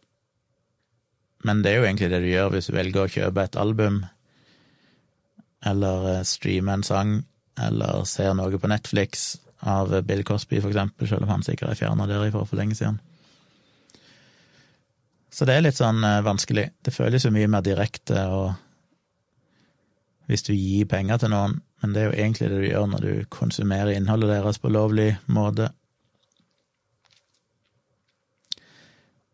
Men jeg vet ikke, jeg føler vel bare at det blir så indirekte og abstrakt på et vis at det er vanskelig å sette terskelen så lågt. Selv om jeg skjønner at det er litt dobbeltmoralsk, for det å ikke ville invitere de til å stå på en scene, er jo på en måte ikke vesensforskjellig fra å kjøpe musikken deres, for eksempel, eller kjøpe en serie eller et eller annet de er med i, så Godt spørsmål. Anonymous spør hvordan ser du på kvaliteten til informasjonen folk får servert? Husker svineinfluensaen at de hadde vaksiner til alle, jeg skjønte det var unødvendig da. Ja, det er vel tilbake igjen til informasjonen fra helsemyndighetene. Eh, nå er jo ikke jeg enig i at eh, svineinfluensavaksinen var unødvendig, og det har jeg jo skrevet mye om i bloggen. Den var vel etter alle målestokker nødvendig. Vi unngikk jo en del dødsfall på grunn av den, og land der de vaksinerte i mye mindre grad, hadde jo vesentlig større problemer enn det Norge hadde, både med dødsfall og veldig alvorlig syke mennesker. Og overfylte intensivavdelinger og alt som følger i kjølvannet av det. Så det var definitivt en vaksine som var viktig. Nå var svineinfluensaen veldig mye mindre smittsom enn det covid-19, eller koronaviruset er. Så nå er iallfall vaksinen enda viktigere. Selv om dødeligheten Ja, den er jo høyere, den òg, ja. Etter alle målestokker. Så ja, alt tyder i retning at eh, den er viktig. Men informasjonen syns jeg vel har vært god så langt, men jeg mener jo at informasjonen egentlig var veldig god under svineinfluensaen òg. Det var vel bare det at den ikke nødvendigvis nådde ut til alle fordi de færreste er nerder som meg, som går inn på Folkehelseinstituttet sine hjemmesider og leser ukesrapporter de kommer med og sånne ting. Eh, fordi folk, Folkehelseinstituttet sa jo allerede fra april eller noe sånt 2009 at uh, svineinfluensaen så ut til å være en veldig mild sykdom med lav dødelighet, men kunne være veldig alvorlig for noen veldig få utsatte. Og det viser seg å være helt korrekt, det var jo det det var. Men de fikk jo allikevel kritikk i lang tid etterpå for å ha overdramatisert alvorligheten, og det gjorde de jo aldri. Derimot så hadde de jo én pressekonferanse der de brukte en pandemiplan som var utarbeida med tanke på fugleinfluensaviruset. Og den hadde jo estimert at du kunne få 13 000 døde i Norge. og det tallet ble jo lagt fram på en pressekonferanse, og da slo jo alle medier det opp. Og når det da endte opp med å bare dø i 30 personer eller noe sånt, så ble jo det selvfølgelig sett på som eh, krisemaksimering. Det var vel strategisk teit av myndighetene å gjøre. Samtidig så sa jo de aldri at det ville være 13 000 døde av svineinfluensaen. De sa jo for det første at det var et worst case-tilfelle, ikke et sannsynlig scenario, men òg at det var basert på fugleinfluensaen, som er ansett som de tilfellene som har vært vel mye mer dødelig. Så problemet der igjen var vel egentlig media, som selvfølgelig ikke klarer å la være å kaste seg over det og krisemaksimere. Som jeg skriver om i den siste boken min, Håndbok i krisemaksimering, og, og jeg skrev en del bloggposter om akkurat det. Så jeg vil jo si at den faglige informasjonen var korrekt og veldig nøktern og viser seg å være riktig og har blitt evaluert i ettertid av Direktoratet for samfunnssikkerhet og nei, beredskap og samfunnssikkerhet, eller hva det heter, DSB, um, som vel stort sett kom fram til at pandemihåndteringa i 2009 var riktig og fornuftig, men med noen kritiske innvendinger, så vidt jeg husker. Så lærte en jo selvfølgelig en del av det, da. Så jeg vil jo tro de denne gangen har tatt med seg den lærdommen og så jeg syns vel informasjonen rundt vaksine og alt dette her har vært ut for det jeg har fått med meg, bra. Jeg er ikke like fornøyd med informasjonen om disse tiltakene som blir innført, for der syns jeg det har vært mye eh, Litt eh, vanskelig å fordøye. Det er så mye forskjellig som gjelder på forskjellige tidspunkter, på forskjellige plasser og sånn, så jeg tror det er litt vanskelig for folk å få det helt med seg. Pluss at igjen så forstyrrer media veldig og det tror jeg ikke nødvendigvis er feil, men media er jo veldig opphengt i å belyse uenighet mellom eksempel Folkehelseinstituttet og regjeringa. Og eh, det er jo på en måte deres samfunnsoppdrag, men gjør det jo vanskelig for vanlige folk å helt vite hva vi skal tro. Så akkurat der òg syns jeg det er litt sånn at ja, jeg skjønner at media må gjøre det, men hadde det ikke egentlig fungert bedre likevel hvis vi heller fikk et veldig tydelig og klart budskap som de kan forholde seg til? Jeg sliter òg av og til med å vite hva er det egentlig som er sant? Hva er det egentlig de, som er tiltaket nå? Er det det som Folkehelseinstituttet sa, eller er det det som myndighetene sa, eller regjeringa? Eh, for det når du får hele tida bli eksponert for andre alternative forslag som er blitt stemt ned, så er det vanskelig å huske etterpå om det faktisk var et forslag som gjelder eller ikke. Så de blir eksponert for veldig mange ting som ikke faktisk er de egentlige gjeldende reglementet, og det er forstyrrende. Men for å svare på spørsmålet, så er jeg vel, har ikke vært spesielt misfornøyd, iallfall med, med informasjon rundt vaksine. Jeg syns de var nøkterne og flinke til å formidle den usikkerheten som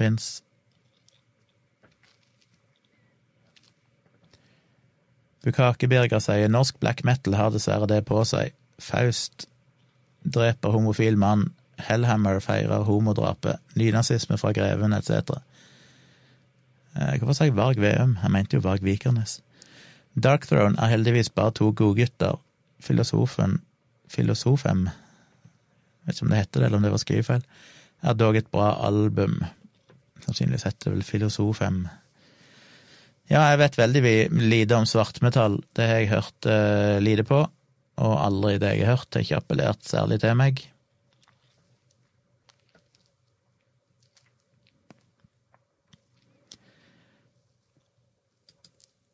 Arnesen skriver til Bukake Birger det der er vanskelig. Jeg har for eksempel problemer med å høre på Vømmøl nå etter Hans Rotmo kom ut som rasist og så videre. Det er bare ett eksempel. Ja, nå ser jeg ikke noen gode grunner til å høre på, på det uansett, men uh, det er nå min subjektive mening. Men det er på en måte en personlig følelse som jeg kan òg ha. Jeg, kan, ikke på, jeg vet jeg har hatt det mot noen artister der jeg bare føler sånn jeg orker ikke høre på dette fordi jeg er så fundamentalt uenig med et eller annet de, de sier. Jeg hadde jo for eksempel lenge problemer med å se noen ting med Jim Carrey, fordi han er Han både var og er jo en idiot når det gjelder alt som handler om eh, helse og sykdom og vaksiner og sånn. Inklusiv nå i koronapandemien. Og der er jo en del Hollywood-stjerner som har promotert 5G-konspirasjoner sånn i det siste, og sånne ting provoserer meg mer, tror jeg, enn om de hadde drept noen. Da er det litt sånn, ja ja. men, når, de sprer 5G-konspirasjoner, da der er ingen grenser. Så jeg òg kan føle på en sånn aversjon mot enkelte folk, for jeg bare føler at de promoterer idioti, og det syns jeg er så kjipt. Men jeg sier ikke at uh, Jeg mener ikke likevel en skal være forplikta til å boikotte folk av den grunn, iallfall med å høre på det eller verdsette, eller kunne si at de syns det er bra, for eksempel.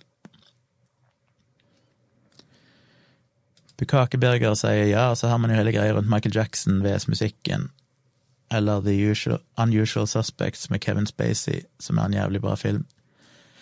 Jeg kunne ikke fått meg til, og jeg elsker jo Michael Jackson, jeg kunne ikke fått meg til å, å mislike de filmene. Og jeg elsker jo veldig, veldig mye av det Jim Carrey har gjort, uansett. For meg er det vel ofte mer sånn nye ting, da. Hvis jeg, hvis jeg har hørt han si et eller annet idiotisk om vaksiner, så kommer det en ny film med Jim Carrey, så kan det være litt sånn der. Men jeg er litt over det nå. Det kan være litt periodisk, bare akkurat når jeg irriterer meg mest over det.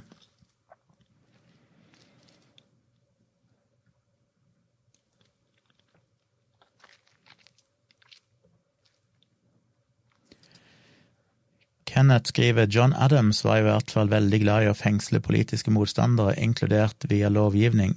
Hadde ikke Jefferson kommet i ettertid, kunne det blitt et kort prosjekt der borte. Ok. Thomas skriver det Det femte elementet han er bare en helt rå film. Lenge mellom slike bra filmer nå. Savner kino den følelsen av forventning til en spennende, kul film når man sitter der i salen med cola og godteri. Savner også videoutleie, der man står i butikken sammen med venner og bare må velge to–tre filmer uansett hvor dårlig alternativene og bildekvaliteten var. Netflix blir alltid det samme, selv i HD 4K. Um, Femte element ja, en fantastisk film. Det er jo en film jeg har tenkt noen ganger på at jeg burde se igjen snart. For den er det lenge siden jeg har sett, men jeg elsker den jo når jeg kom. Litt fordi jeg var stormforelska i hun der eh, kvinnelige skuespilleren.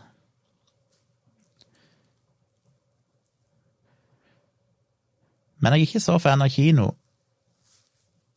Det kan være ok å gå på kino, men de fleste gangene jeg går på kino, så føler jeg at det er mer styr enn det er verdt. Hvis jeg kunne sett filmen hjemme, så syns jeg egentlig det hadde vært minst like bra. Når det gjelder videoutleie, så var jeg en av de familiene som vokste opp uten videomaskin. Men så hadde kirka en videomaskin som de brukte sånn konfirmantsamlinger og sånn, de skulle vise et eller annet på video. Og siden jeg jobba blant annet i, eh, på menighetssenter og sånn, og mamma jobba litt i kirka og sånn, så fikk vi av og til låne den videoen når den ikke var i bruk, VHS-spilleren. Og det var jo julekveld hver gang.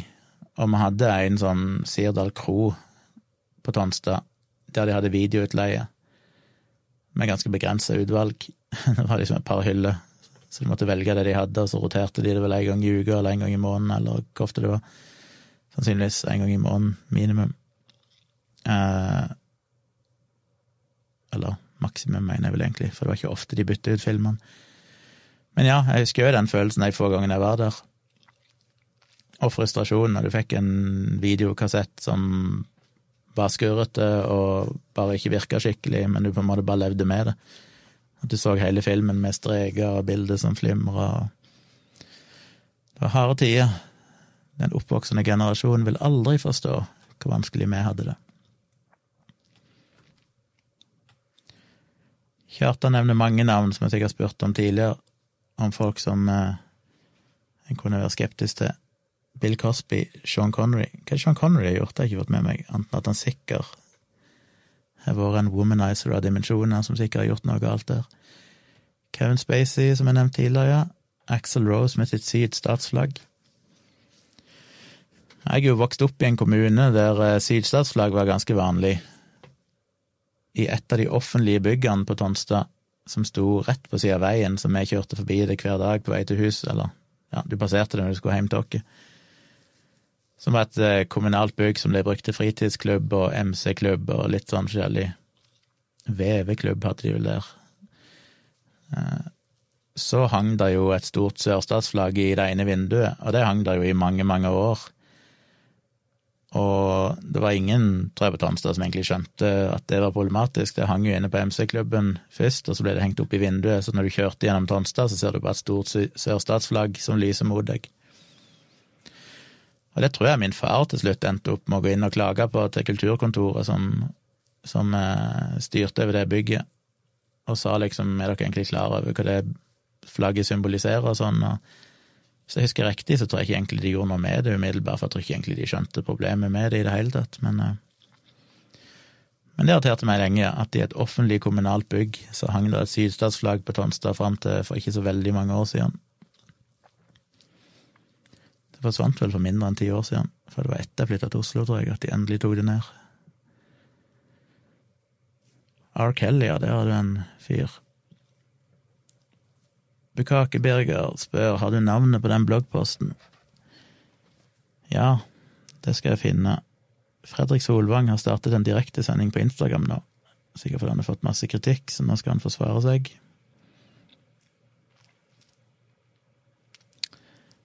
Uh, hvor skal jeg google for å finne det, for jeg husker jo ikke navnet på bloggposten.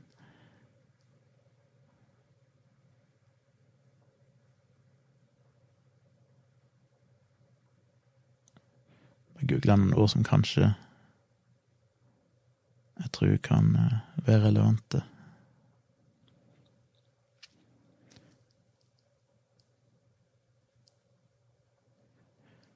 Vanskelig å multitaske her.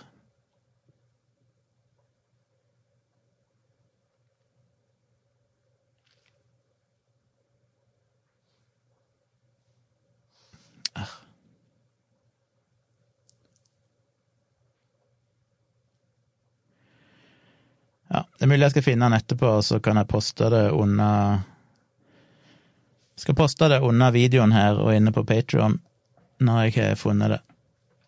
Så jeg oppdaterer som regel eh, YouTube-videoen med litt ekstra tekst når jeg vet hva vi snakker om og sånn, etter at livestreamen er ferdig. Så hvis du sjekker den ut seinere, så finner du forhåpentligvis en link der.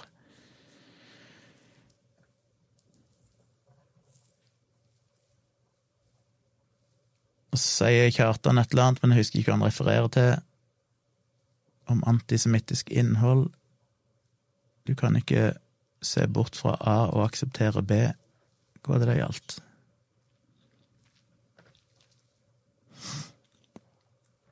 Det husker jeg ikke.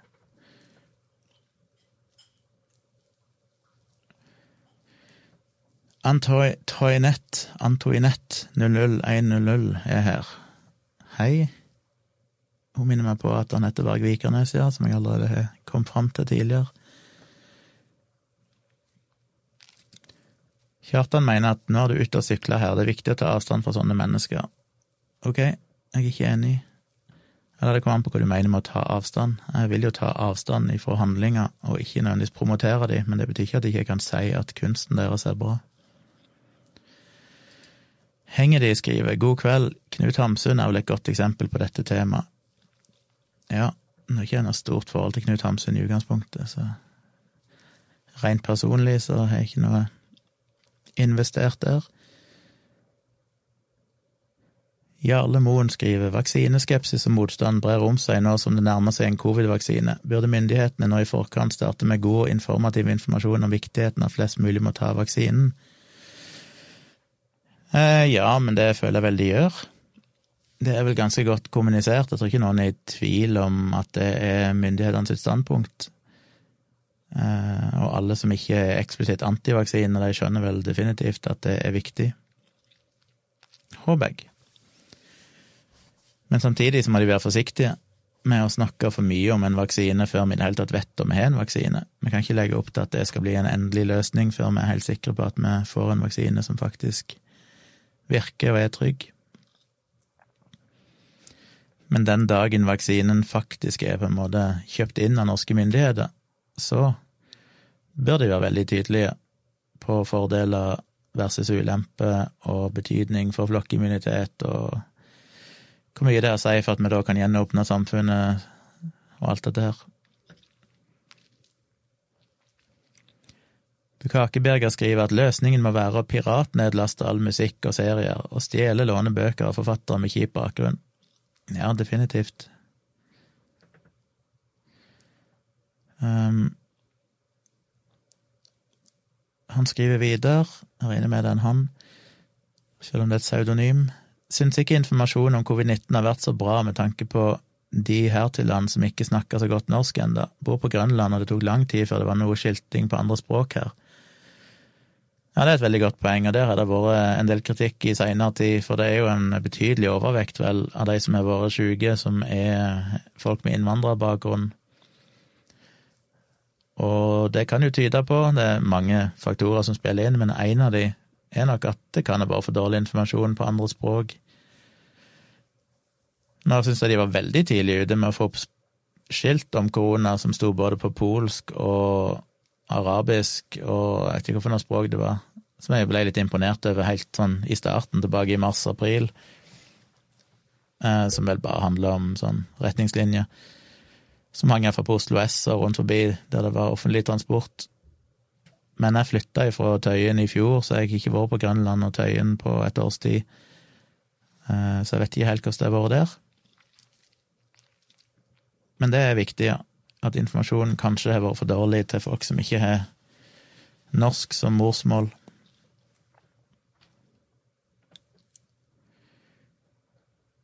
Bukakebjerger skriver Wasim Sahid var den første jeg så som tok det på somalisk og kurdisk. Ganske rart at en privatperson måtte ta ansvar for det. Ja. Og det er jo litt det samme jeg har jo følt med bloggen min, som jeg sa første gang jeg skrev en vaksinebloggpost i 2012 eller 2011. Da jeg skrev en lang vaksinebloggpost, blant annet om Hogro Lystad, som gikk holdt på å si, viralt etterpå så var det tanken min òg. Det var sånn, hvorfor er det jeg som gjør dette? En privatperson som bruker ferien sin på å skrive vaksineinformasjon som egentlig burde vært kommet ifra helsemyndighetene. Og det er nok noe som tidvis mangler, men som jeg føler kanskje er blitt litt bedre, da. At når jeg starta å blogge, så var det veldig få fagpersoner som egentlig stakk hodet fram og turte å mene noe, eller gå i, i møte med ja, vaksinemotstandere eller konspirasjonsteoretikere og sånn. Det føler jeg jo er blitt en del bedre de siste årene. Eh, kanskje ikke mer enn de siste tre årene, eller noe sånt, men det har blitt flere og flere fagpersoner som nå har starta egne blogger der de informerer om ting, eller sånn som Wasim, da har YouTube-kanal, og, og det er veldig bra at det er folk med den faglige tyngden som faktisk tar det ansvaret at eh, de skal ikke At de har en viktig rolle som formidler.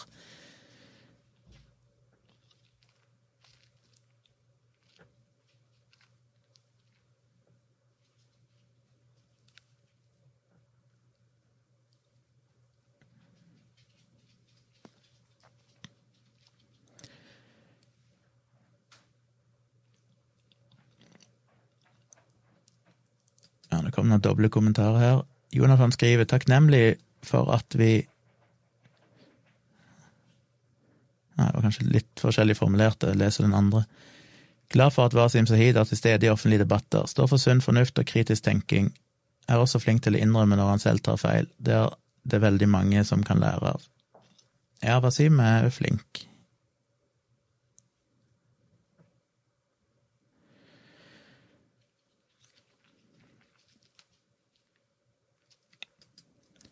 Kjartan skriver du kan ikke dømme Hans Rotmo basert på 40 år gamle saker uten å se på den tidens sosiale kunnskaper. Han er jo ikke det han er kommet med 40 år gammelt, han har vel vært ute ganske nylig med en del piss. Milla Jovovic, ja. Hun jeg hadde jeg en så enorm crush på i så lang tid. Multipass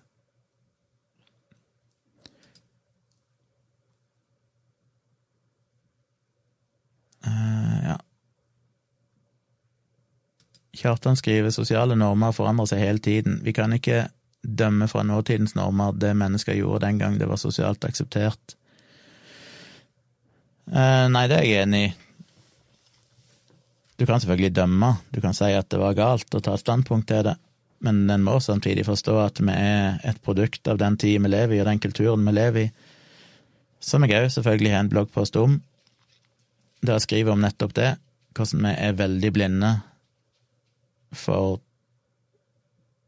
for vår egen situasjon, altså som en som er synd, fordi vi burde kunne se litt videre når vi ser på andre kulturer, for eksempel, der vi har en tendens til å være veldig nedlatende og tenke at de er primitive eller et eller annet, og så glemmer vi at for det første er det ikke veldig lenge siden vi sannsynligvis hadde de samme holdningene her, men i tillegg så sitter jo vi nå og gjør ting som vi ser på som helt fornuftig og korrekt, men som med stor sannsynlighet om 30-40-50 år vil bli sett på som helt horribelt for eksempel kanskje det å spise kjøtt og oppavle dyr for at vi skal konsumere de. Det blir jo sett på som normalt i dag, men som kanskje vil bli sett på som helt sjokkerende barbarisk litt fram i tid. Skal ikke, du kan selvfølgelig gå tilbake igjen noen ganske mange tider og se på rasisme og at homofili ble sett på som en uh, sykdom eller var kriminelt, og, og mye sånn. Men i den bloggposten så trekker vi òg fram kanskje det beste eksempelet, syns jeg, på at den kollektive moral kan endre seg ufattelig fort. Og det gjelder røyking.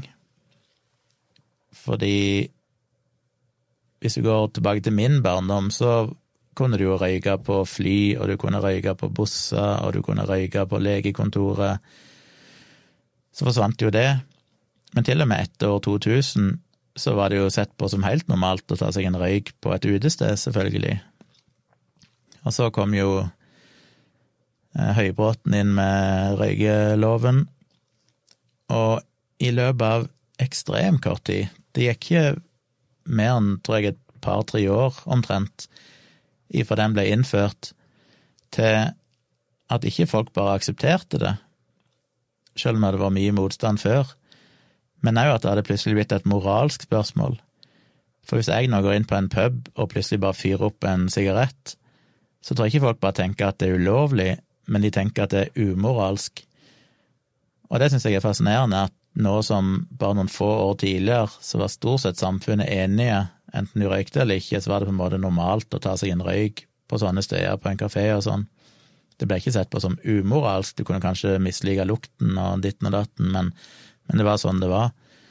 Og så noen år seinere så ser du på det som at du er et dårlig menneske. Det samme gjelder jo i stor grad med sånn som kildesortering, hvordan det har blitt et sånn moralsk spørsmål. Eh, der du basically er umoralsk hvis du ikke kildesorterer. Vi er veldig flinke til å knytte sånn moralitet opp mot en del handlinger som, når vi får ny kunnskap, kan fort endre seg betydelig i framtida. Så det er vanskelig, akkurat det der. Men jeg syns jo derfor at vi skal være Når jeg ser folk skrive, som jeg nylig så og tror jeg ranta om i podkasten her, inne på Patrion for noen måneder siden, så var det vel eh, i forbindelse med den bloggposten som jeg nevnte nå, der jeg skrev om nettopp dette med hvor fort en kollektiv moral kan endre seg. Den ble jo delt en del på Facebook igjen her i sommer, i forbindelse med Ja, hva var det? Det var en eller annen sak som handla nettopp om det, med en eller annen kjendis som det ble noen diskusjon om du kunne støtte den personen lenger eller ikke. Og da var det noen som begynte å dele den bloggposten min igjen, for de mente at jeg hadde skrevet godt om det der. Og da var det ei, husker jeg, inni ei eller annen Facebook-gruppe der jeg ble tagga, som skrev at uh, hun syntes det var helt idiotisk jeg hadde skrevet, for hun visste det at hvis hun hadde blitt født på 1800-tallet, så ville hun aldri vært rasistisk, for hun visste hvem hun var og hva hun sto for. Og det er sånn, ja, det vil vi jo selvfølgelig alle ha lyst til å tro, at vi er bedre enn majoriteten.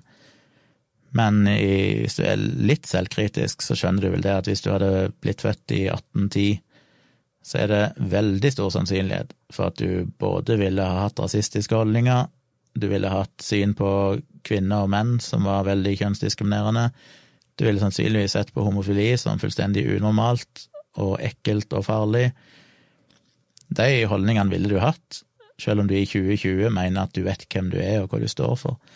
Og det er kanskje noe av det som skuffer meg mest, det er sånne folk som har så lite evne til å reflektere rundt seg sjøl at de faktisk kan tro at de ville vært et bedre menneske hadde de sjøl levd på den tida, for det er det veldig lite sannsynlig at de hadde. Og i så fall må man jo da vurdere det opp mot dagens samfunn. Er, var hun veganer, for eksempel? Var de tingene vi kan antyde at vi kanskje kommer til å se tilbake igjen på eh, i framtida på som horribelt, har hun allerede skjønt alle de tingene? Sannsynligvis ikke. Og dermed så skyter hun seg sjøl i foten. Så eh, ja, jeg er enig i det at eh, skal Det er vanskelig å Du kan ikke dømme noen moralsk, mener jeg, for at de hadde holdninger som var veldig utbredt på den tida. Så er det alltid komplisert, for selvfølgelig var det folk allerede for lenge siden, når rasisme var relativt utbredt, som så at dette var galt. Så det fantes jo selvfølgelig mennesker som hadde et annet syn på det. Og dermed kan en alltid si at så lenge noen visste om det, og noen skjønte det, så var det fortsatt moralsk forkastelig å ikke tenke sånn. Men jeg tror det er å holde menneskerett en litt høy standard. Det vil være et eller annet skille der en bør begynne å forvente at folk skjønner ting. Um, men det er òg lange perioder der en må nesten akseptere at stort sett vil folk være påvirka av de holdningene som, som er i samfunnet. Her til lands kan vi jo snakke allerede nå om eh, holdninger folk har til polyamorisitet, eller til nakenhet, eller til seksuell utfoldelse. Altså, det er fryktelig mye som folk bare mener at sånn skal det være. Dette er rett, dette er umoralsk, dette er moralsk. Som selvfølgelig bare er rent subjektivt. Det er jo ikke forankra i at det er farlig eller ulovlig eller noen tar skade av det. Det er bare fordi det føles feil. Og en del sånne ting vil nok endre seg en del i framtida. André skriver at eh, nå tror jeg du var meget fordomsfull mot Connery. Han var vel gift i 50 år, men hadde en litt uheldig kommentar angående å fike til damer. Ok, da beklager jeg. Um, jeg har ikke fått med meg den kommentaren.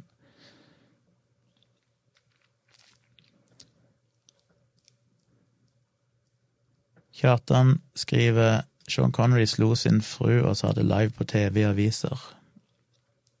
Ja, det er jo ganske kritikkverdig, må jeg jo si men jeg har aldri fått med meg det. Thomas skriver husker første filmen jeg så på leid VHS, var ca. ti år gammel. Tintin, Månen tur-retur, ca. 1981. I samme periode kom Sky Channel, som, første, som først het OTS, nesten bare snø på skjermen. ja, jeg hadde ikke sånn luksus.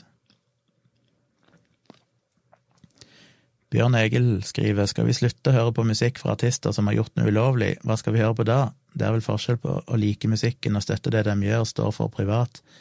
Det blir jo ingen igjen, da. Nei, da legger jeg jo sa tidligere at jeg, hvis du ser på lista over hvem som har ikke bare gjort noe ulovlig, det vil jeg tro en ganske betydelig andel har, bare med tanke på eh, rusmisbruk og så videre. Men òg det som er mer moralsk forkastelig, som å utøve vold mot andre, eller til og med drepe folk, eller seksuelt misbruke, så er den lista ganske lang.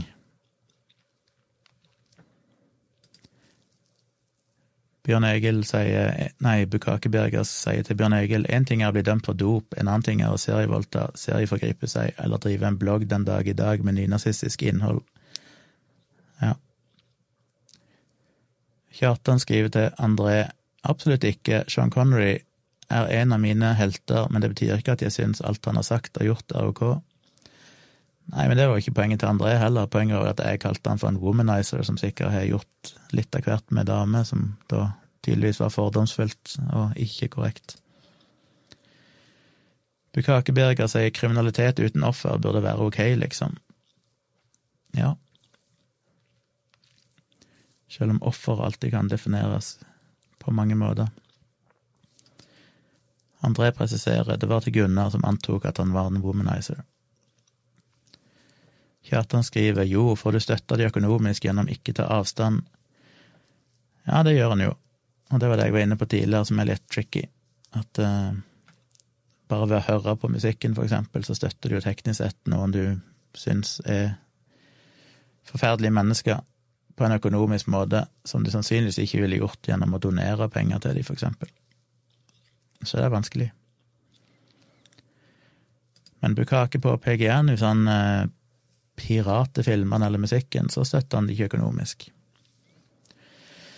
Vel, jeg er jo enig i det, men eh, det blir jo litt som argumentet myndighetene har imot eksempel barneporno, at selv om du ikke betaler for det, så støtter du en industri. Og det kan en jo kanskje si, at selv om ikke du betaler for musikken til en artist, ved å høre på han, så bidrar du til å opprettholde en popularitet som indirekte vil gjøre at andre bruker penger, og så videre. Så det er jo et sånn vanskelig Alt er vanskelig når du begynner å grave i det.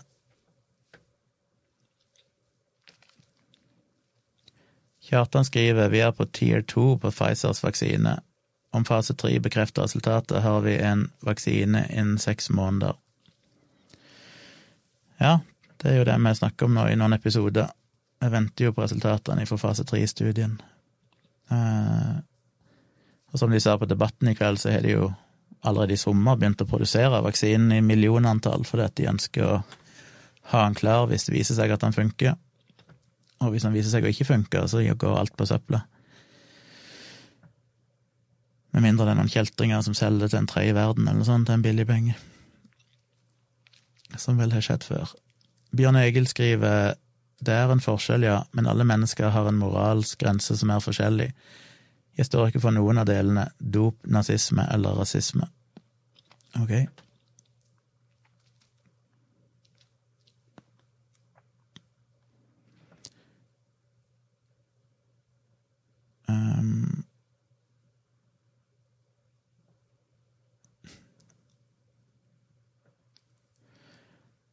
Litt hvert i kommentarfeltet, som ikke er så interessant å snakke om, kanskje.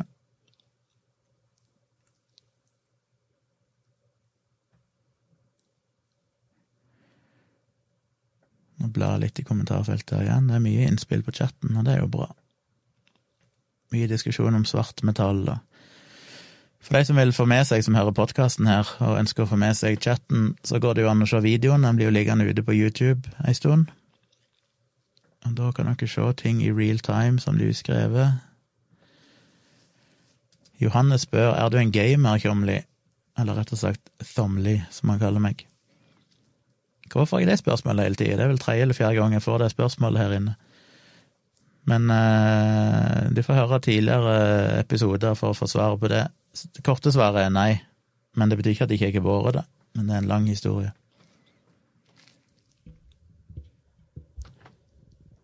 Er det mer svartmetalldiskusjoner mellom to personer her.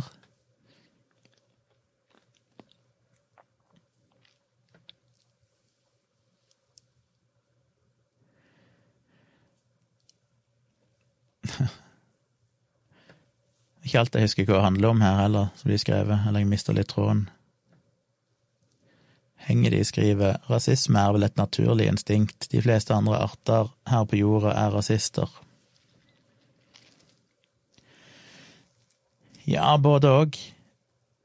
Det er jo Jeg skriver litt om det i håndbok i krisemaksimering, for der tar jeg jo for meg litt av sånn uh, anti-bias training i politiet i USA og sånn, og uh, disse testene som viser at til og med folk som erklærer seg som veldig ikke-rasistiske og sånn, gjerne har en tendens til å for eksempel skyte fortere når de ser en svart person i sånne simulatorer enn de gjør med en hvit person, og så videre. Så sånne tester kan ofte avdekke en del underbevisst rasisme, om jeg skal kalle det det, men iallfall underbevisst eh, skepsis eller bias mot folk som ser mer annerledes ut enn deg sjøl. Og og der, nevner jeg vel òg at studier på babyer sånn viser at hvis du viser, hvis jeg husker det rett, bilde av en hvit person til en hvit baby og bilde av en svart person, så stirrer de lenger på den svarte personen, som det noen da tolker som at de er rasistiske, i den forstand at de tydeligvis syns at Merker at det er forskjell. De er ikke fargeblinde, for å si det sånn. De blir ikke født fargeblind. Men igjen så er vel alle sånne studier jo fått en del kritikk, som de alltid gjør, så en skal ikke kanskje konkludere for mye ut ifra dem. Det viktige med rasisme er jo at argumentet med at det er naturlig instinkt, er jo uansett eh, dårlig. Fordi sånn sett så vil det være et naturlig instinkt å voldta og ganske mange forkastelige ting som er naturlige, som er helt vanlige i naturen hos andre arter. Men nettopp fordi vi har en kultur og en eh, ja, en høyerestående kultur, holdt jeg på å si, hvis det er rett ord å bruke, så kan vi ganske fort avlæres det, fordi vi har en veldig eh, tilpasningsdyktig hjerne som ikke er fastlåst i uh, biologi alene, med tanke på at det er ikke sånn at rasisme er hardkoda i hjernen. Så selv om det er ting som er naturlige, så er jo ikke det noe argument for at det nødvendigvis burde ha vært naturlig for 200 år siden heller. De kunne jo akkurat like godt ha forkasta det da, men da handla det vel mye om at det var gunstig rent maktmessig og økonomisk, og at det dermed aldri egentlig ble stilt noen store spørsmål ved det.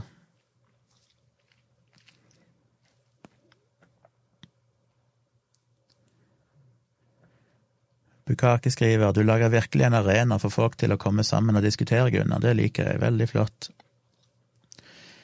Ja, det er jo hyggelig. Jeg hadde jo egentlig ikke trodd det skulle bli så mye aktivitet i kommentarfeltet, så jeg vet ikke om jeg kan ta æren for det, men det er jo eh, fint at det blir det. Johannes beklager for at han feilstava navnet mitt. Ja, det er jeg veldig, veldig vant med, selv om Thomli var en ny variant. Det pleier som regel å være tjomsli. Av en eller annen grunn som jeg aldri har forstått, så faller det folk naturlig å legge inn en S i navnet mitt. Om det bare er fordi de har liksom tjomsbegrepet et eller annet sted i bevisstheten. Jeg tror ikke Tjomsli er et vanlig navn her i Norge. Det er muligens noen som heter det, men ingen veldig, eh, så vidt jeg vet, kjente mennesker eller sånt som skulle gjøre at folk hadde et naturlig forhold til ordet tjomsli. Jeg syns fortsatt det beste varianten av navnet, det var når vi bodde i Kenya, så kom eh, noen slektninger ned og besøkte dere. Og da overnatta de i Var det i Paris eller noe? De måtte mellomlande med flyet i den tida, og så måtte de overnatte og så flyge videre. Og da hadde de booka hotell, og i den tida var det ikke noe internett og sånn, så de booka jo hotell med å ringe ned og bestille rett til hotellet. Og når de da sjekka inn, så oppdaga de at de hadde blitt ført inn som gjest med etternavnet Cham Lee, altså C-H-A-M, mellomrom L-E-E. Som de sa det, hun heter vel Jenny, jeg tror du Når hun kalte det for Jenny Tjomli, eller I'm Jenny Chomli, hadde hun sikkert sagt, så hadde jo de skrevet det som Jenny Chomli. Så fikk kanskje sjokk når ikke de var kinesiske.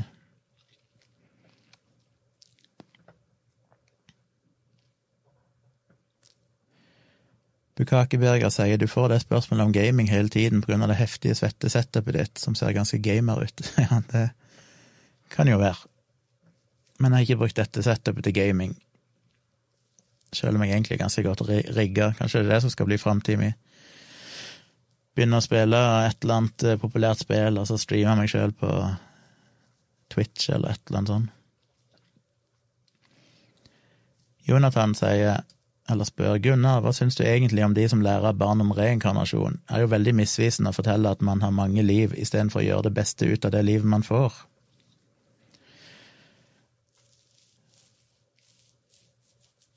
Ja, det er jo ikke så vesensforskjellig fra vanlig kristendom, eller de fleste store religioner som forteller at du er et liv etter døden. Det er jo på en måte bare to sider av samme sak. Poenget er at døden er ikke endelig. Og jeg syns jo selvfølgelig det er veldig ugreit, fordi jeg har sjøl blitt oppdratt sånn, og syns ikke noe særlig om det. Jeg syns ideen om eh,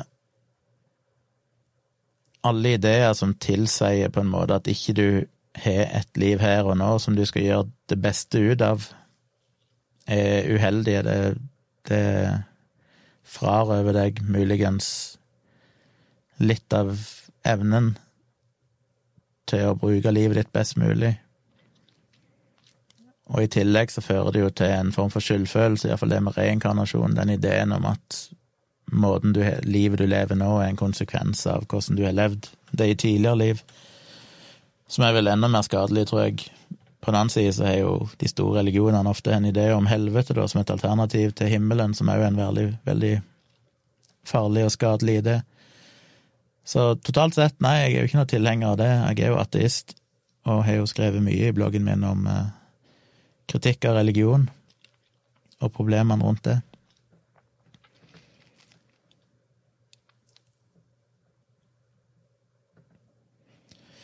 Kjartan skriver det er jo nesten komisk at man i det hele tatt prater om systematisk rasisme i Norge, som har en så liten ikke-nordisk befolkning. Um, jeg skjønner ikke helt at det er komisk. Nå er vel uh, Hvor stor er den ikke-nordiske befolkningen? Jeg husker ikke hva prosentandelen er der nå. Men jeg syns ikke det, den er noen få prosent, ja. Men uh, jeg syns ikke det er så rart at vi snakker om det.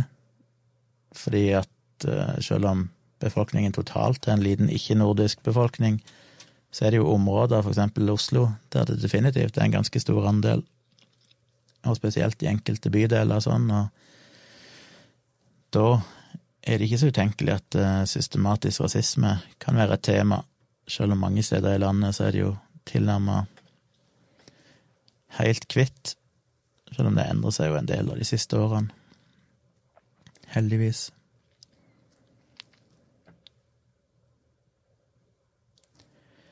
Henger de sier Jeg sier ikke at det var en bra ting. Han, snakket, han sa jo tidligere at det var si, medfødt å være med rasisme. Jeg mente at det å være redd for det som er annerledes ut, er naturlig for de fleste arter. Jeg skjønte det, det var ikke meninga å tillegge deg ideen om at det var forsvarlig av den grunn, men jeg syns det er viktig å påpeke det, fordi det blir ofte brukt som en sånn argument. Jeg vet at meg og Dag har jo diskutert hevn, for eksempel, mye. Han har vel òg argumentert litt med at det er en slags naturlig reaksjon. Som igjen, jeg føler blir litt av det samme, at selv om ting er naturlig eller biologisk eller et eller annet sånt, så betyr ikke det at det er noe vi kan forsvare, for da er det jo fryktelig mye forferdelige ting vi kunne ha forsvart i kraft av å være naturlig, på en måte. Men jeg skjønte poenget. Det er jo noe som eksisterer, den frykten for de som ser annerledes ut, eksisterer jo definitivt i mange arter. Så det er jo ikke noe unikt for mennesker.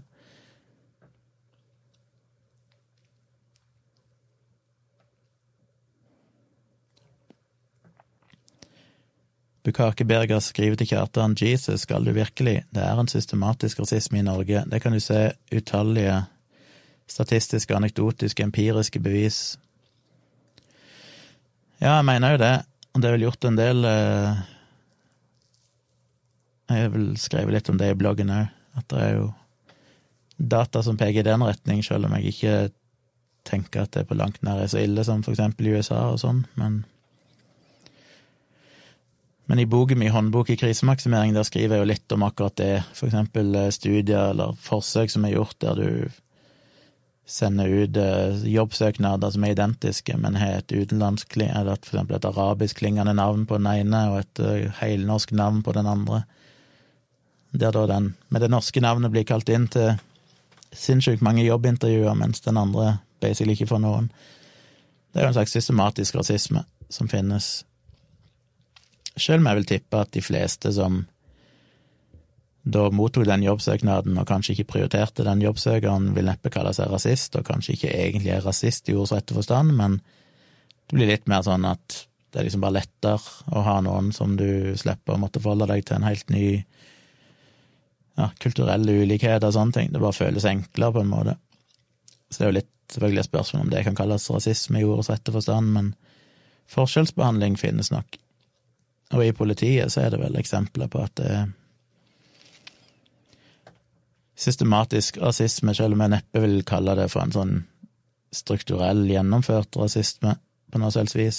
Det tror jeg ikke det finnes holdepunkter for. Og mye av det kan nok bare være mer sånn praktiske årsaker. Det at ungdommer på østkanten ofte blir tatt for rusmisbruk, eksempel, mens eh, hvite gutter på vestkanten fester og bruker masse rus uten at de omtrent noen gang blir tatt. Kan en jo kalle for en form for systematisk rasisme, men det kan jo argumentere for at det kan være andre årsaker, uten at det nødvendigvis gjør det mer riktig.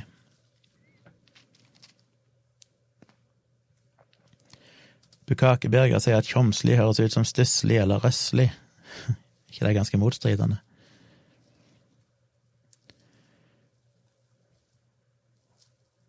Jarle Moen skriver Jørn Lierholz har spilt inn sine lydbøker på nytt og lagt de ut på ny plattform, blir anklaget for piratkopiering.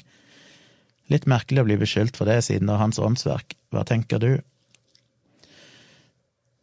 Jeg skjønner at folk tenker sånn, men teknisk sett så er det ikke hans åndsverk lenger, så lenge et forlag har gitt det ut, for da kjøper jo de egentlig ut retten til å distribuere det. Jeg var jo i akkurat samme situasjon sjøl når jeg leste inn lydbøkene mine fordi jeg måtte spørre begge forlagene mine om jeg fikk lov å lese inn lydbøker. Og det ene forlaget sa vel ganske fort at uh, de så jo at det var problematisk, for teknisk sett så har jeg ikke lov til det. Men de syntes det var greit nok, så bare kjør på. Det andre forlaget var mer tilbakeholden og først mente at det var ikke greit. Uh, og så argumenterte jeg tilbake igjen med at én, de hadde jo ingen ambisjoner om å lese inn noen lydbok. To, det meste av salget har allerede skjedd, for bøkene selger jo mest i starten når de kommer ut. Og om noe så vil lydbøkene føre til at jeg i så fall selger flere bøker som de tjener på, for det er jo de som tjener penger fortsatt på å selge papirbøkene. Så jeg argumenterte ja, med det, jeg husker ikke alle argumenter, men jeg hadde flere argumenter for hvorfor jeg mente at dette burde egentlig være uproblematisk, og jeg gikk vel med på at hvis det skulle vise seg at jeg solgte mye lydbøker, så kunne vi heller ta et møte og så finne ut en eller annen fordeling av inntektene. Men uh, vi kunne jo først prøve det, og så gikk de med på det da, og sa ja, ok, bare kjør på, sa de. De skjønte vel at det var ikke snakk om mange kroner de kom til å tape. Og jeg syns jo det er i mitt tilfelle mer enn fair, for det, er ikke mange kroner forlagene har brukt på å markedsføre bøkene, for eksempel. Alt av markedsføring og det aller meste av salg har jeg jo gjort sjøl. Så om jeg da skulle når jeg legger ned mange, mange timer med arbeid i å lese det inn som lydbøker, at jeg da ikke skulle ha lov til det, virker jo litt rart, selv om jeg skjønner at rent juridisk så er det sånn. Så jeg skjønner jo at eh, Jørn Lier Holst blir anklaga for det, og det er jo litt amatørmessig av han hvis ikke han har spurt forlagene om lov først, for til og med jeg, som er en amatør på dette feltet, skjønte at jeg måtte spørre forlagene om det var greit.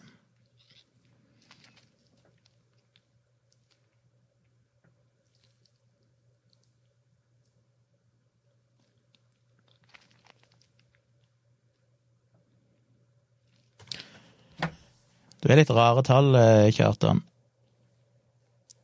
Det må jeg si.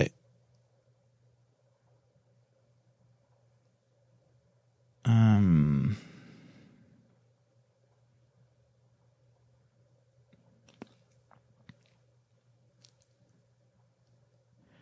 Skal vi sjå Skal vi sjå Det er rundt 15 av nordmenn har jo innvandrerbakgrunn, og av de så er Skal vi se, hva er tallet her? Jeg vil ha det i prosent.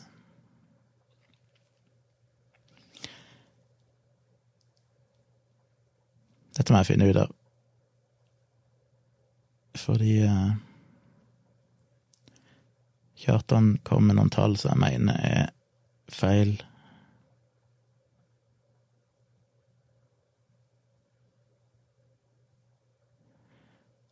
Skal vi se Ja, her har vi det.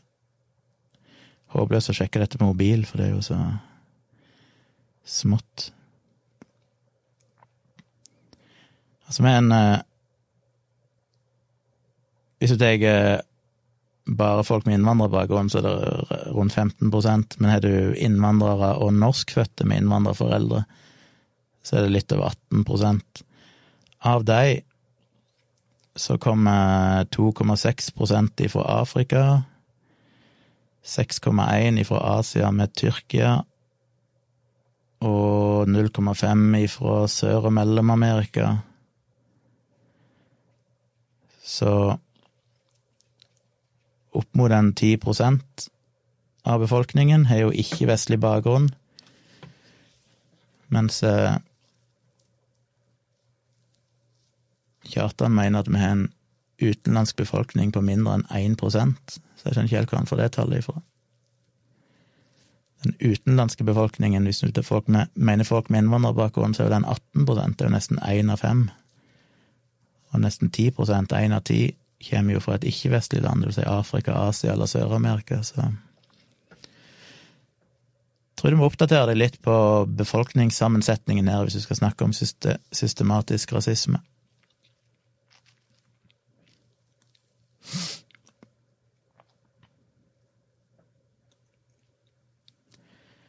Bukake Birger skriver sosiologiske studier som viser at det er vanskeligere få seg jobb med arabiske navn, for eksempel. Tror du misforstår hva systematisk betyr her, betyr ikke at man går inn for å diskriminere. Nei, og det er viktig. Systematisk rasisme trenger ikke bety at det er noe som er nedfelt i lover og regler. Tvert imot så er det jo som regel rent juridisk, eller på overflata, så er det jo på ingen selvs måte noe systematisk rasisme i landet, vil jeg påstå men i praksis, i hvordan mennesker oppfører seg, så vil jeg jo kunne argumentere for at det definitivt fins systematisk rasisme. Thomas skriver buddhistene har en mindre kjip karmatro vanligvis, mens antroposofene ser mer bakover. Det blir mer negativt. Det gjaldt vel dette med reinkarnasjon. Ja, så er det disk diskusjon her om systematisk rasisme. Jonathan skriver at hele politikken til Frp er jo bygget på systematisk rasisme, så det er vel et bevis i seg selv. Ja, nå er jo ikke det noe som er Nå vet ikke jeg eh, gode eksempler på at det nødvendigvis er gjennomført i praksis, men det har jo vært mange ønsker fra den kanten om å for eksempel straffe folk med innvandrerbakgrunn hardere enn andre, og forskjellige ting. Og det er jo systematisk rasisme satt i system, for å bruke det ordet, smør på flesk. Det er rasisme satt i system. Når ikke det er innført, men hadde noe sånt fått politisk flertall, så hadde vi jo hatt en definisjon av systematisk rasisme.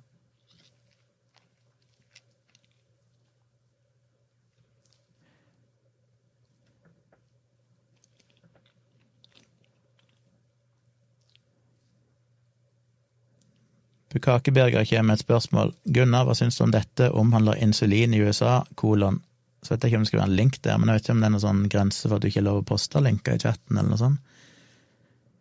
For det kom ikke noe mer. Du får fylle opp, fortsette hvis du kan. Anomi sier veldig kult at du leser det min sjøl. Syns ofte at lydbøker er litt lite interessante å høre på, men det gjør forskjell når det er forfatteren sjøl som leser det min. Ja, jeg syns jo det gir en ekstra verdi når det er forfatteren som leser de, men en må jo være obs på at jeg leste de en eh, Jeg har ikke tid til å sitte og gjøre det perfekt, så det ble jo en live innlesing med de feilene som var underveis. For det å lage lydbøker er jo en enorm prosess. Det skal spilles inn, og du må gjøre ting om igjen og om igjen og om igjen, og få riktig få ting rett, og det må redigeres etterpå og sånn, og det hadde ikke jeg tid til. Men det gir jo en veldig live-følelse, for å kalle det for en live-lydbok, en live-innlest lydbok.